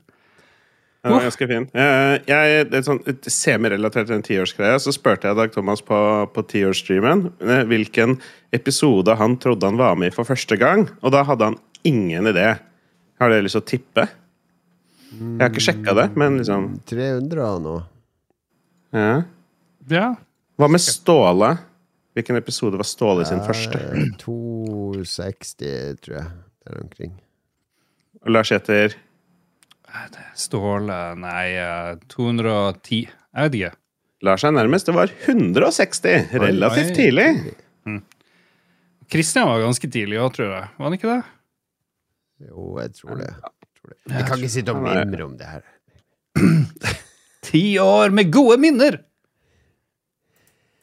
Ja, er vi ferdige nå? Skal vi avslutte? Vi har jo masse lytterbidrag. Har vi det òg, ja? Jesus Ja, ja. Det var det jeg prøvde liksom å skippe Shaman Durek, men nei da. Det var jo høydepunktet. det. Herregud. Det var det beste. No one puts Shaman Durek in the corner. Jeg er glad for at Mats ikke var her, for da hadde søstera hans blitt sømmende, og det tror ikke jeg noen hadde Kommet godt ut av. Nei, det, jeg tror ikke det hadde vært bra. Skal vi se. Christopher Getto Boys Hansen. Gratulerer så masse med tiårsdagen. Godt Takk. gjennomført stream av BDF. Takk, Hva er det takk. for noe? Det Var det en- en Philips-streamen? First person puncher han streamer. Har vi en favorittepisode-opplevelse fra de ti årene? Jeg syns jo live-episodene våre har vært eh, Eller de, de var morsomme, men de har vært et par morsomme der. Det er ikke alle som har vært like bra og godt forberedt. Uh, og så syns jeg um, Den første til episode 100 var jo fantastisk, med wrestling. Eh, Ja, ja, og sånn. Der vi hadde var beef med bra. Spillmatic og mhm. Ja, den husker jeg. Det er kanskje den jeg husker best. Ja, og La Ja. Lars, Lars og Erling som hadde rap battle på Ja. scenen. og, Lars som juksa, og Nei, ikke Lars, det var Erling som juksa og lata som han improviserte noe som han hadde sett fra en gammel Klovner i kamplåt. Men det Ja. hørtes veldig bra ut.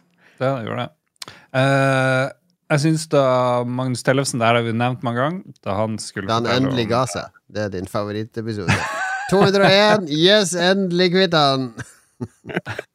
Nei, men da han skulle fortelle om den her oppfinnelsen med å sende lydbølger i jungelen for å skremme terrorister, det, det er så bra.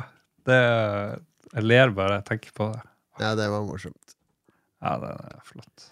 Jeg har for så vidt sånn en nesten på en måte favorittepisode på en måte litt, og det var episode 50. Det var den episoden hvor dere inviterte disse to Gamergate-gutta på. Ja, der var vi nervøse. Mm. der var vi litt på tå hev. For det Mm, her skulle vi ta debatten.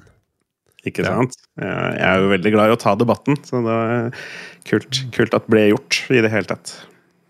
Så har vi hatt mye bra gjester, som du sier. Eh, han Kisen som var i Nord-Korea og drev og gama og styrte på, det var veldig bra. Ja, det husker jeg. Han var en veldig, veldig fin gjest. Og vi hadde flere, flere artige politikere som gjester.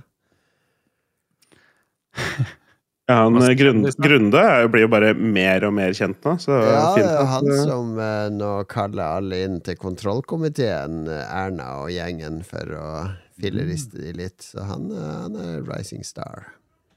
Tidligere Lolbua-gjest, Grun, Grunde Almeland. Ja, ja, ja. Skulle hatt Erna som gjest. Eller han Sindre Finnes. Snakk om eh, det norske aksjespillet. Hva heter Ja. Oslo Børs?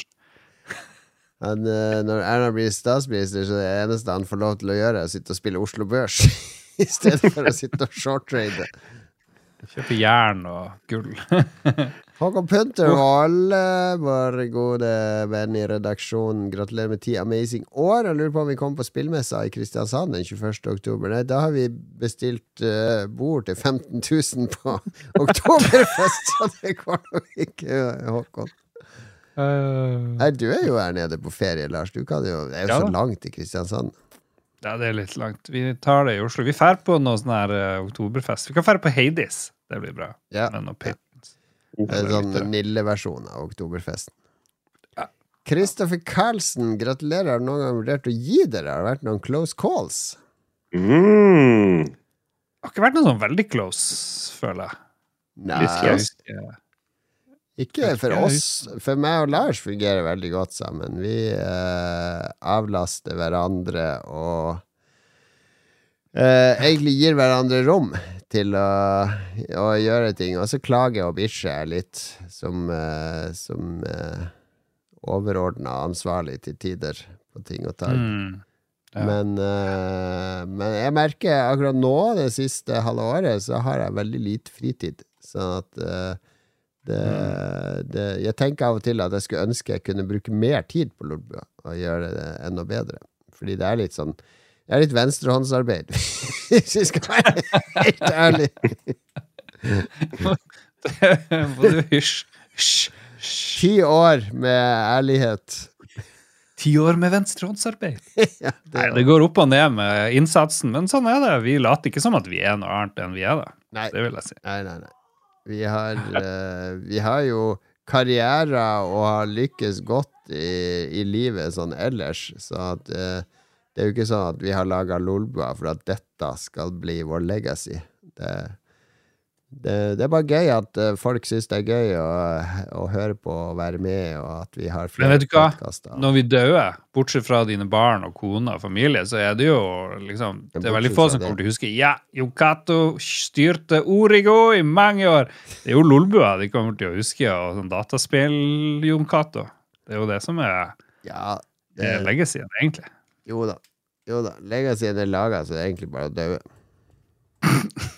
Er dere nervøse for hvordan den blomsterkransen dere får av Lolba Entourage til begravelsen deres, kommer til å se ut? det, vi skal Mm. jo ikke dø sammen. Vi er jo ikke noen sånn sekt der jeg er han pastor Moon som skal tvinge Lars til å drikke en sånn eh, rød saft. Og jeg har, aldri, jeg bestandig sagt nei til den giftsafta til Jon Cato. Enn så lenge. Eh, Men nei, da, så jeg, jeg, jeg driver og planlegger begravelsen min, men det kan vi komme tilbake til i, i senere episoder. Jeg kanskje skal planlegge den sammen med lyttere og sånn. Men jeg drev jeg snakka med ungene om hvem som skal bære kista, og hvor. og sånn. Herregud, stakkars barn. Kristoffer Carlsen spør jo et oppfølgingsspørsmål der som er litt sånn semirelatert. Og ikke minst hvem arver Lolbua når Jon Cato kler på seg tre- tre- tredressen? Det er et godt spørsmål. Jeg har ikke skrevet Det er testamentet ennå. Ja. For da tar vi litt av utgangspunktet i at Eller Lars, ville du fortsatt å drevet Lolbua hvis Jon Cato hadde daua? Det er et godt spørsmål. Eh, Nei, jeg vet ikke. Vi får se. Det, det kan godt hende at jeg dør eh, før Jon Cato. Nei, det tror jeg ikke.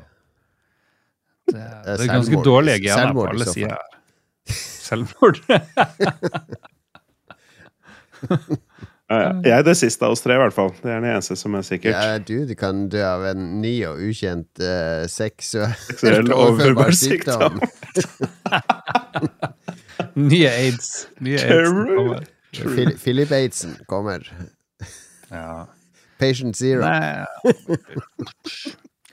Nei det, hvis både jeg og Jon Cato dør, det, alle kan fortsette Lolbua. Det er jo ikke noe Vi kan legge det det- ut i public domain. mm, Absolutt. Open Vi source. alle, vi alle Lolbua. Vi, eh, Joakim van Sødegren, han er jo top contributor, som det står her på, eh, på eh, fjeseboka. Han stiller flere spørsmål i Ragequit-rekkefølge. Eh, spørsmål 101. Angående seksuell debut, selvsagt. Hva er den kleineste dataspillstoryen om akkurat dette som dere kan huske? Seksuell debut. Men en Da- historie som kombinerer dataspill og seksuell debut? Det ene utelukker jo det andre, ofte. ja, ja jeg, jeg, jeg føler han spør om en dataspillstory om seksuell debut, og det eneste jeg kommer på der, er jo Larry som skal ligge med den prostituerte, og så glemmer å ta på kondom, så dauer du, liksom. Ja, godt poeng. Men er det så mye annet? Sånn seksuell debut Det er sånn tema i veldig mange amerikanske collegefilmer, som Porkis og American Pie og sånn. Der, der er de veldig glad å lage filmer om det. Men spill det har jo ikke vært så Jeg kan ikke huske så mange spill om det. Vi har den her hot coffee-modden i GTA, eller hva? Ja, men, eh, men det er liksom, når du sier det, så er det egentlig litt sånn interessant, for spill bare hopper over den liksom tar, tar liksom ikke for seg den aldersgruppen, kanskje, og i hvert fall ikke reflekterer over de problemstillingene på den måten. Hvis de tar for seg den aldersgruppen, så er det jo sånn herre veldig feelings, eh, moderne altså sånn eh, Life is Strange-greier med veldig mye emo-følelser og snakk om det, ikke kåtskap, som er i Nei. Ja, ja, fordi det er liksom Enten så ja, er det GTA og hot coffee mod, eh, Witcher og masse puling og sånne ting, eller så er man Er det eller så pulling i liksom David ingenting. Cars-spill, er det ikke det? Jo, jo, der er det puling. Ja. Med quicktime events, så Oh, du kan gjøre det yes. bedre. Eh, ja, nei, jeg har en tendens til å hoppe over litt den der tenåringsangsten rundt det å seksuelt debutere og sånn. Det bør noen lage spill om. Mm. Ring meg, jeg kan konsultere. Jeg må fortelle en ting mens jeg først er her, som jeg kom på akkurat nå. ja. For noen uker siden så var jeg på, en, eh, var jeg på et utested, på en bar, sammen med en, en andre rekke andre mennesker som alle deler litt samme eh, interesse, eh, sex. Og så ha- spilte vi et sånt det sånn kortspill. swingersmøte? Sånn sexklubbtreff? Ja, mer sånn derre mennesker man har møtt Pri, Privat sex Nei, Jeg vet ikke hva jeg skal kalle det. Det var en gjeng med venner som kjenner hverandre fra det miljøet, som eh, gikk sammen for å drikke litt øl og potensielt dra hjem og ha nachspiel etterpå. Og da var det etterpå, er det det du egentlig sier? En gang til? Dra hjem og ha sex eller ha nachspiel. Ja. Dette er helt ukjent. Dette er gresk for meg. Ja, ok. Ja, Å ha sex på nachspielet. Ja, nettopp. Ja, Eh, ja. Så, men, og så var vi utgangspunktet seks stykker, men så var det en, eh, en fyr til der som var litt ny. ja. Så drev vi og spilte noe sånn XXX Seks menn, et liksom? Eller? True Hæ? Var dere seks menn, liksom? Eller? Nei, vi var Nei, ja, seks det var blanding. blanding. mennesker. Ja. Vi var tre par. Tre par, Eh, Ok, ja. Tre par. Og så drev vi og spilte noe sånn Truth and Dare-type det- det- kortspill. Var det sånn her, et, Inne på baren. Ja, inne på baren. Så Ja. satt vi der liksom rundt bordet også. Og da var det liksom der forskjellige typer spørsmål som var liksom seksuelt lad og sånne ting. Og han fikk spørsmålet, han, eh, han ene.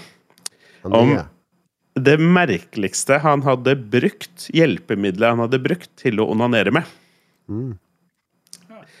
Og da tenker man jo litt sånn på Sånn som American Pie, for eksempel. Da. Ja, Eller hvis man har brukt liksom Ja, jeg tipper alle der ute som har penis, har på et eller annet tidspunkt brukt noe litt merkelig, eller forsøkt seg på noe litt sånn sært nå, for å, for å sex, få seksuell eh, utløsning. Men han hadde en gang pult en bolledeig. Mye friksjon, da. Ja, ja, mye mel var liksom i den? For jeg føler at eh, Ja, det var veldig Ja, fordi- sånn merkelig.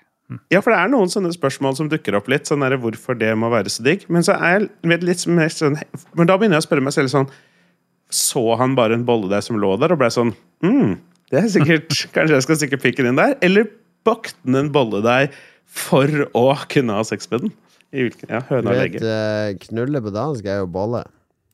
Det er derfra, det. Ja, Her må det jo være en korrelasjon, tenker han. ja.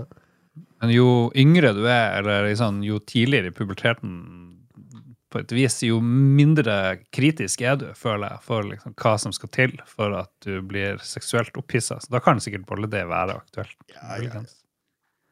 Litt sånn fyldig bolledeig med former på de riktige stedene.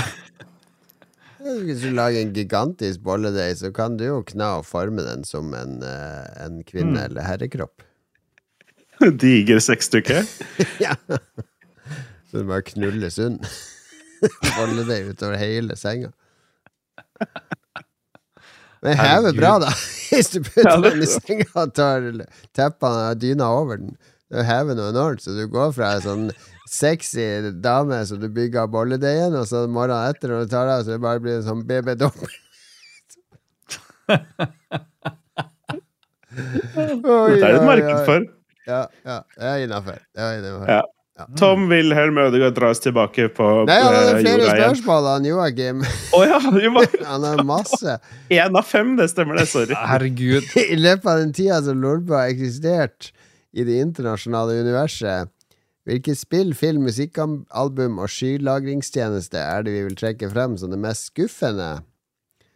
Ok, eh, Duke Nukem Forever Og film, det er den der eh, forferdelige Christopher Nolan-filmen Tenet. Og musikkalbum, det er uh, Hva skal vi si som var det mest skuffende der? Alt etter Black Album fra Metallica. Ja, jeg skulle til å si det. Sikkert et Metallica-album. Og skylagringstjeneste, det må være eh, OneDrive. Ja, fasit. Veldig bra. Veldig bra. Hvis Jon Cato måtte- ja. måtte velge en av oss som fikk være med på en lang kanotur, hvorfor ville han ikke valgt akkurat deg? Uh, ja. Det er et spørsmål til meg og Philip. Jeg må velge Ja. mellom deg og Philip. Ja, det er spørsmål til meg og Lars om hvorfor, han ikke, hvorfor du Ah, ikke ja. hadde valgt oss. Ja, nettopp. Og jeg, jeg, I vårt tilfelle så er det jo veldig greit, fordi Lars er veldig trygg. Der vet du hva du får. Eh, jeg kan finne på å dra opp alt mulig slags type temaer til alle slags mulige tider, og antageligvis ikke stoppe å snakke om det før lenge etter jeg skjønner at du, Jon Cato er lei av å høre om det. Så Ja, Ja, med meg så får du jo Tour de generell angst, og med Philip så får du Tour de fis. Så da må du bare velge der, da, egentlig. Ja, ja. Nei, jeg har jo tenkt at jeg eh, Det hadde, det hadde vært kjempegøy å dra på tur med Philip, men jeg har jo, jeg har jo tenkt i overkant mye på at jeg og Lars burde vært som par på 71 grader nord. eh. Vi har en sånn 71 grader nord-variant der det er to og to på lag, og man som par skal komme lengst.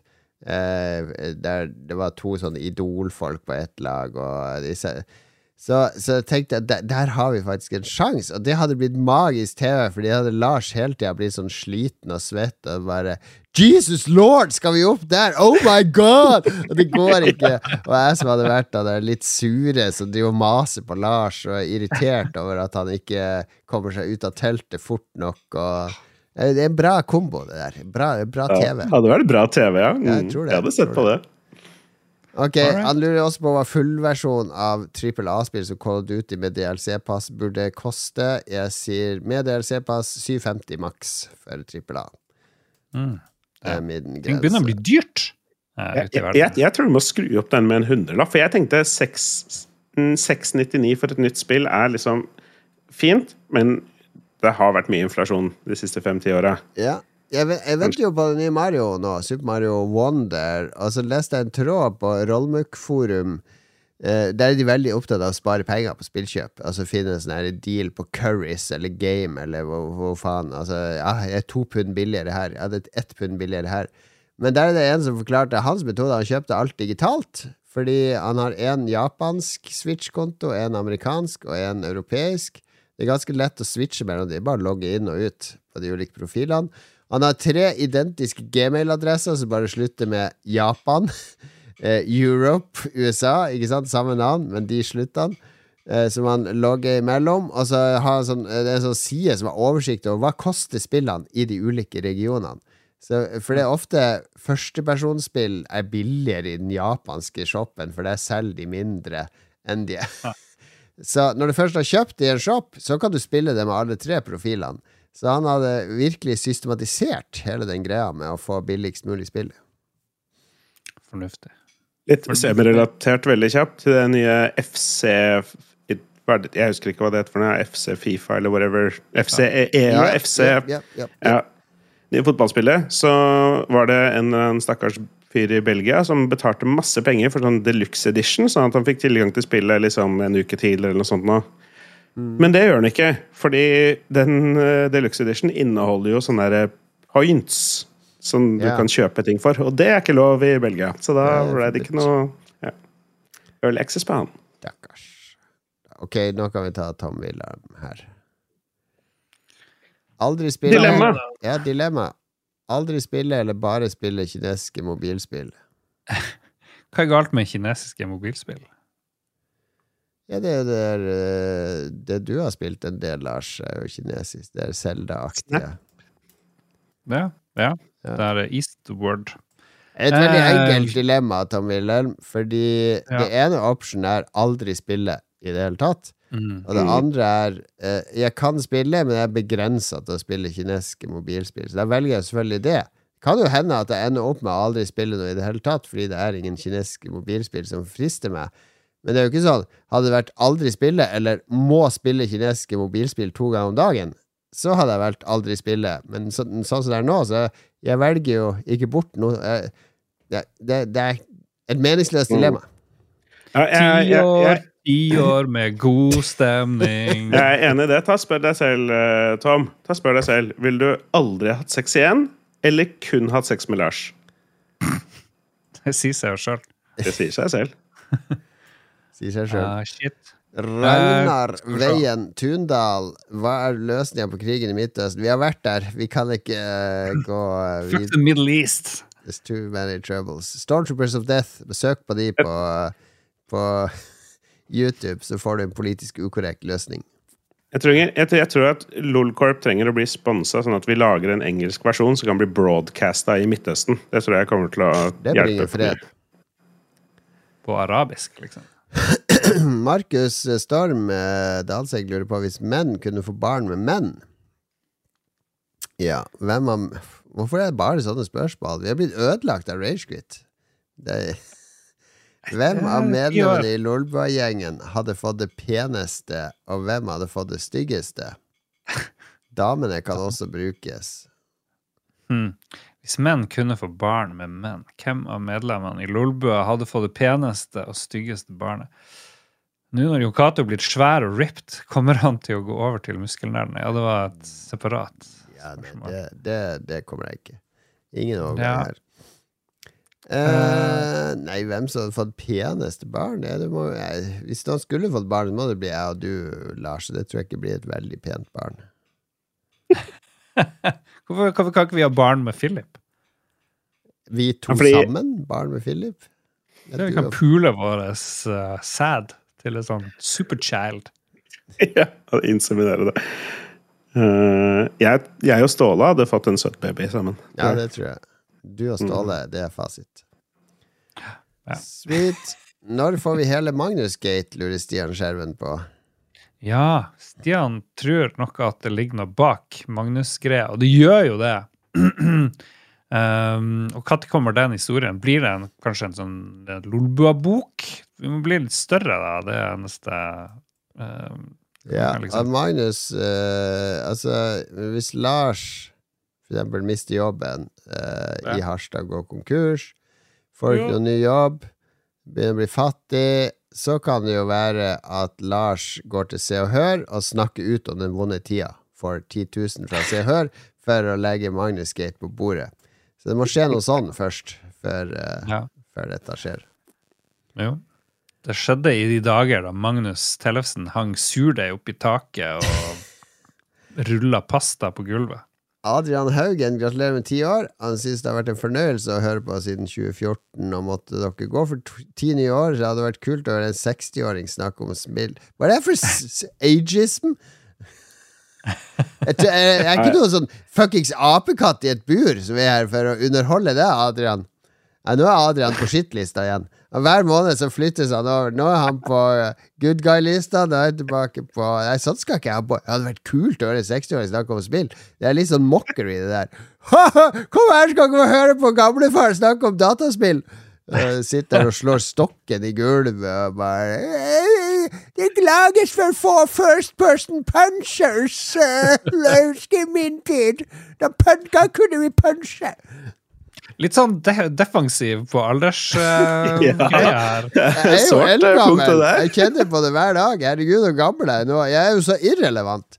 Jeg skjønner ikke at noen hører på det driten her i det hele tatt. Skal- Ja, det er vel derfor, da. For å høre på en eldre og eldre fyr prøve å snakke om populærkultur. Ja, men da, da blir det sånn ond sirkel, Fordi for å holde lyttertallet like, så må jeg bare bli el mer og mer sånn gamlis, liksom, og overspille rollen. Uff. Ja, det er gøy. Jarle Ja, nå kommer et bra dilemma. Dette er bra. Min gode venn Jarle, som uh, har spilt bre spiller brettspill med fast ute, på, ute i Sunnhordland. Mm. Bare spille spill som kommer fra Japan, eller aldri spille spill som kommer fra Japan. Mye Japan-dilemma. Oh. Ja, men denne er god, da, ikke sant? Den er fin. her må vi enten velge bort all det vestlige skrotet, eller uh, Mm. aldri få spille det som kommer fra Japan. Det betyr veldig mange Nintendo-spill som forsvinner da, for eksempel. Jeg begynner å lene mot uh, fuck Japan her, altså. For det, det, det, blir ganske snevert. Det blir jo det. Eller kutte bort ett av 180 land enn liksom det motsatte. Ja, jeg sliter med denne. Jeg, ja, den er veldig tricky, den her. Fordi jeg, dette har jeg snakka om uh, Jeg snakka om det på nederlandslaget, episode 200, ikke sant? At for min del så kan Betesta kan gå under, eller Square Enix kan gå under, eller uh, Det er veldig mange spillselskap som kan gå dukken, uten at jeg tenker at ok, det, det, var, det, var, det var litt synd. Ubisoft konkurs. Ok, da forsvinner de seriene. Eller så havner de hos noen andre. Greit, greit. Men hvis Nintendo hadde lagt inn årene Det tenker jeg Det er et genuint tap for originalitet og kreativitet, og for å være eh, ganske mainstream, men også helt annerledes i måten man lager spill på, og måten man tilnærmer seg spillmediet på. Eh, ja, de lager mye som er generisk eh, Mario nå er jo en 2D-plattformer by heart, men som de er kreative med. Og så lager de ting som er helt grensesprengende. Og hvis Nintendo hadde forsvunnet, så hadde det forsvunnet en sånn stor del av lidenskapen min. Altså, de, de holder den ved like jevnlig, fordi de gjør meg nysgjerrig på mediet, fordi de utforsker det fortsatt. Så jeg tror faktisk jeg må velge bort alt annet enn japanske spill i denne. Og da får jeg mer tid til å spille, da. Det, og gå i dybden på de spillene. Så jeg gjør det. Ok, jeg bare skrur opp til 11. Bare spille spill fra Nintendo, eller aldri spille spill fra Nintendo. Ja, Da er det easy. Da blir det Nintendo, i hvert fall. Mm. Jeg tror jeg ville valgt de vestlige, jeg tror jeg ville valgt de vestlige spillene. Jeg har tenkt, tenkt over det. Og, men det er mest de Ingen spillene jeg Final bruker mest på. Ja, jeg veit, jeg veit. Det sitter langt inne.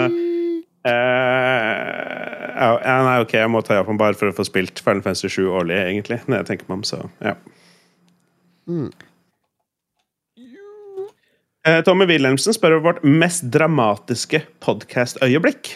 Tipper viltpåkjørsel under opptak da vi var i USA, havner høyt på lista. Det gjør det. Vi satt jo og tok opp lyd på tur i Texas da Mats klarte å treffe dådyr, og vi hadde lydopptak av det. Så hver gang jeg hørte det lydopptaket, så skvetter jeg og får sånn vondt inni kroppen. Du hører bare sånn Åh! Så, det, det var dramatisk. Det var skummelt. Og Tommy Wilhelmsen var med i bilen da det skjedde. Så hei til deg. Spennende. Jeg hadde Nei Det er ikke sånn som du syns det er spennende, men OK. Var kjempespennende, Ah, Lars. artig. Jeg hadde Jeg, jeg prøvde å komme på noe dramatikk, egentlig. Eh, Nei, det er litt Jeg, jeg har også ikke hatt så mye sånn dramatiske ting. Det har liksom vært liksom, mennesker som har hatt sex i bakgrunnen og sånn, men liksom ikke som har vært liksom, påvirka podkastopptaket noe særlig. Nei. Uh, nei, det må være Nei, hva skulle det vært? Uh, jeg jeg syns jo Eller Magnus ble veldig dramatisk når jeg var litt full i Tyskland en gang og hadde dere på mobilen og tok opp lydfila mi med H6-en. Så hadde dere Mm. på mobilen i AirPodsa. Eh, hadde god stemning i episoden, så måtte jeg pisse, så jeg tok med meg H6-en ut på dass. Og så sto jeg og pisse, så ble det så enormt sånn lyd mens jeg prata. Og så Magnus bare er, er du på er du, er du, er du, Står du og pisser nå? Eh, Fy faen, kan ikke stå og pisse hvis du pra... Fy faen! Han ble skikkelig uh, krenka av at jeg sto og pissa mens jeg prata om Dead Space eller et eller annet. Ja. Men dere krangla en del, generelt. Ja, det Gjør det. det gjør vi fortsatt. Det, Det er en del av Ja. vårt ekteskap. ah. Eh, Vi har bare to stykker igjen som vi kommer igjennom. igjennom. yeah, yeah, yeah. Go!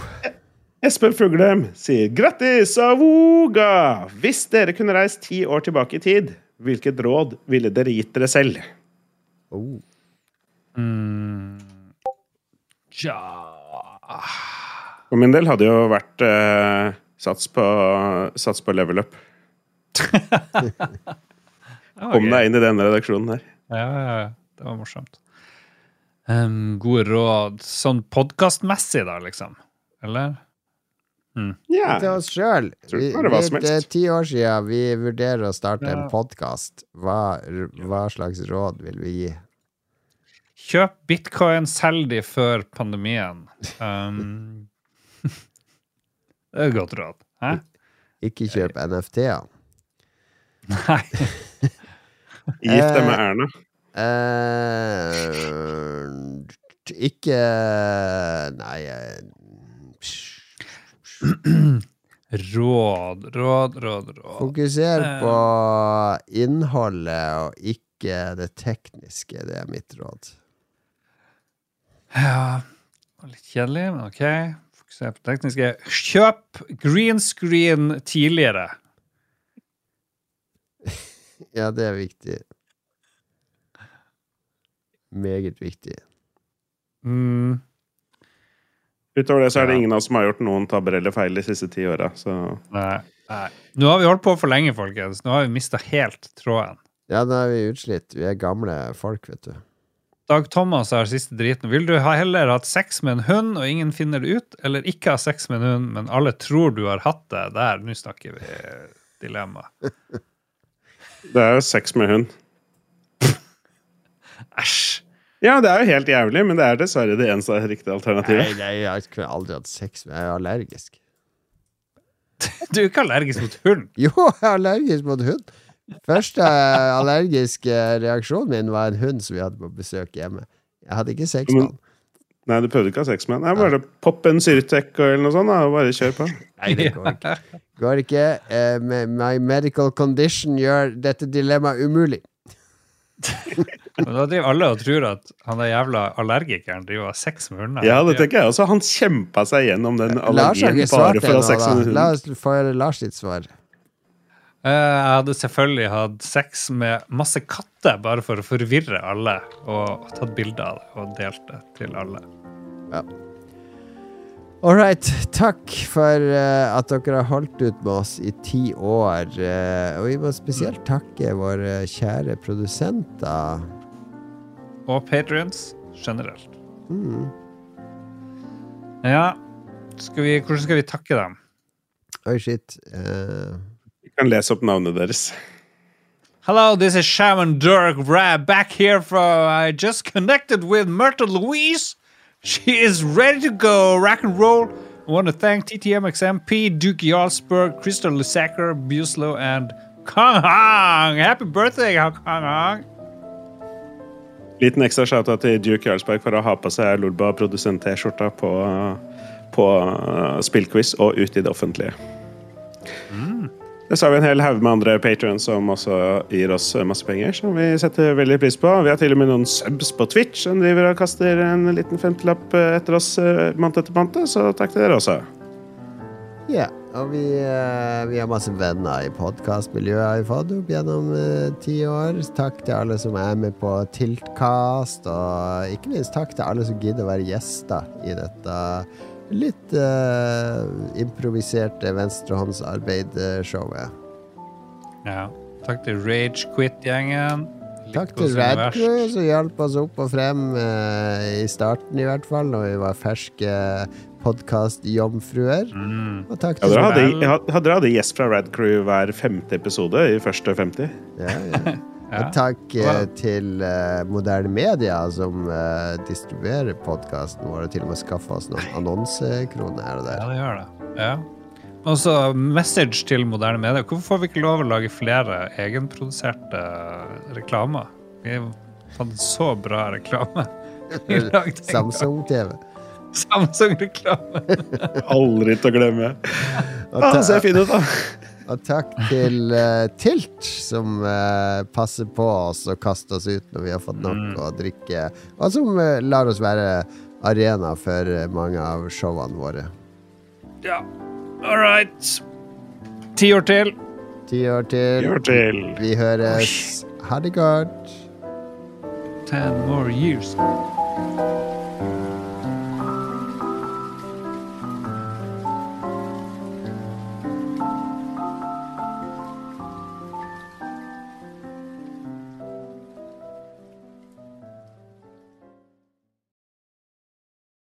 Har du et enkeltpersonforetak eller en liten bedrift? Da er du sikkert lei av å høre meg snakke om hvor enkelt det er med kvitteringer og bilag i fiken, så vi eh, gir oss her, vi. Fordi vi liker enkelt. Fiken superenkelt regnskap.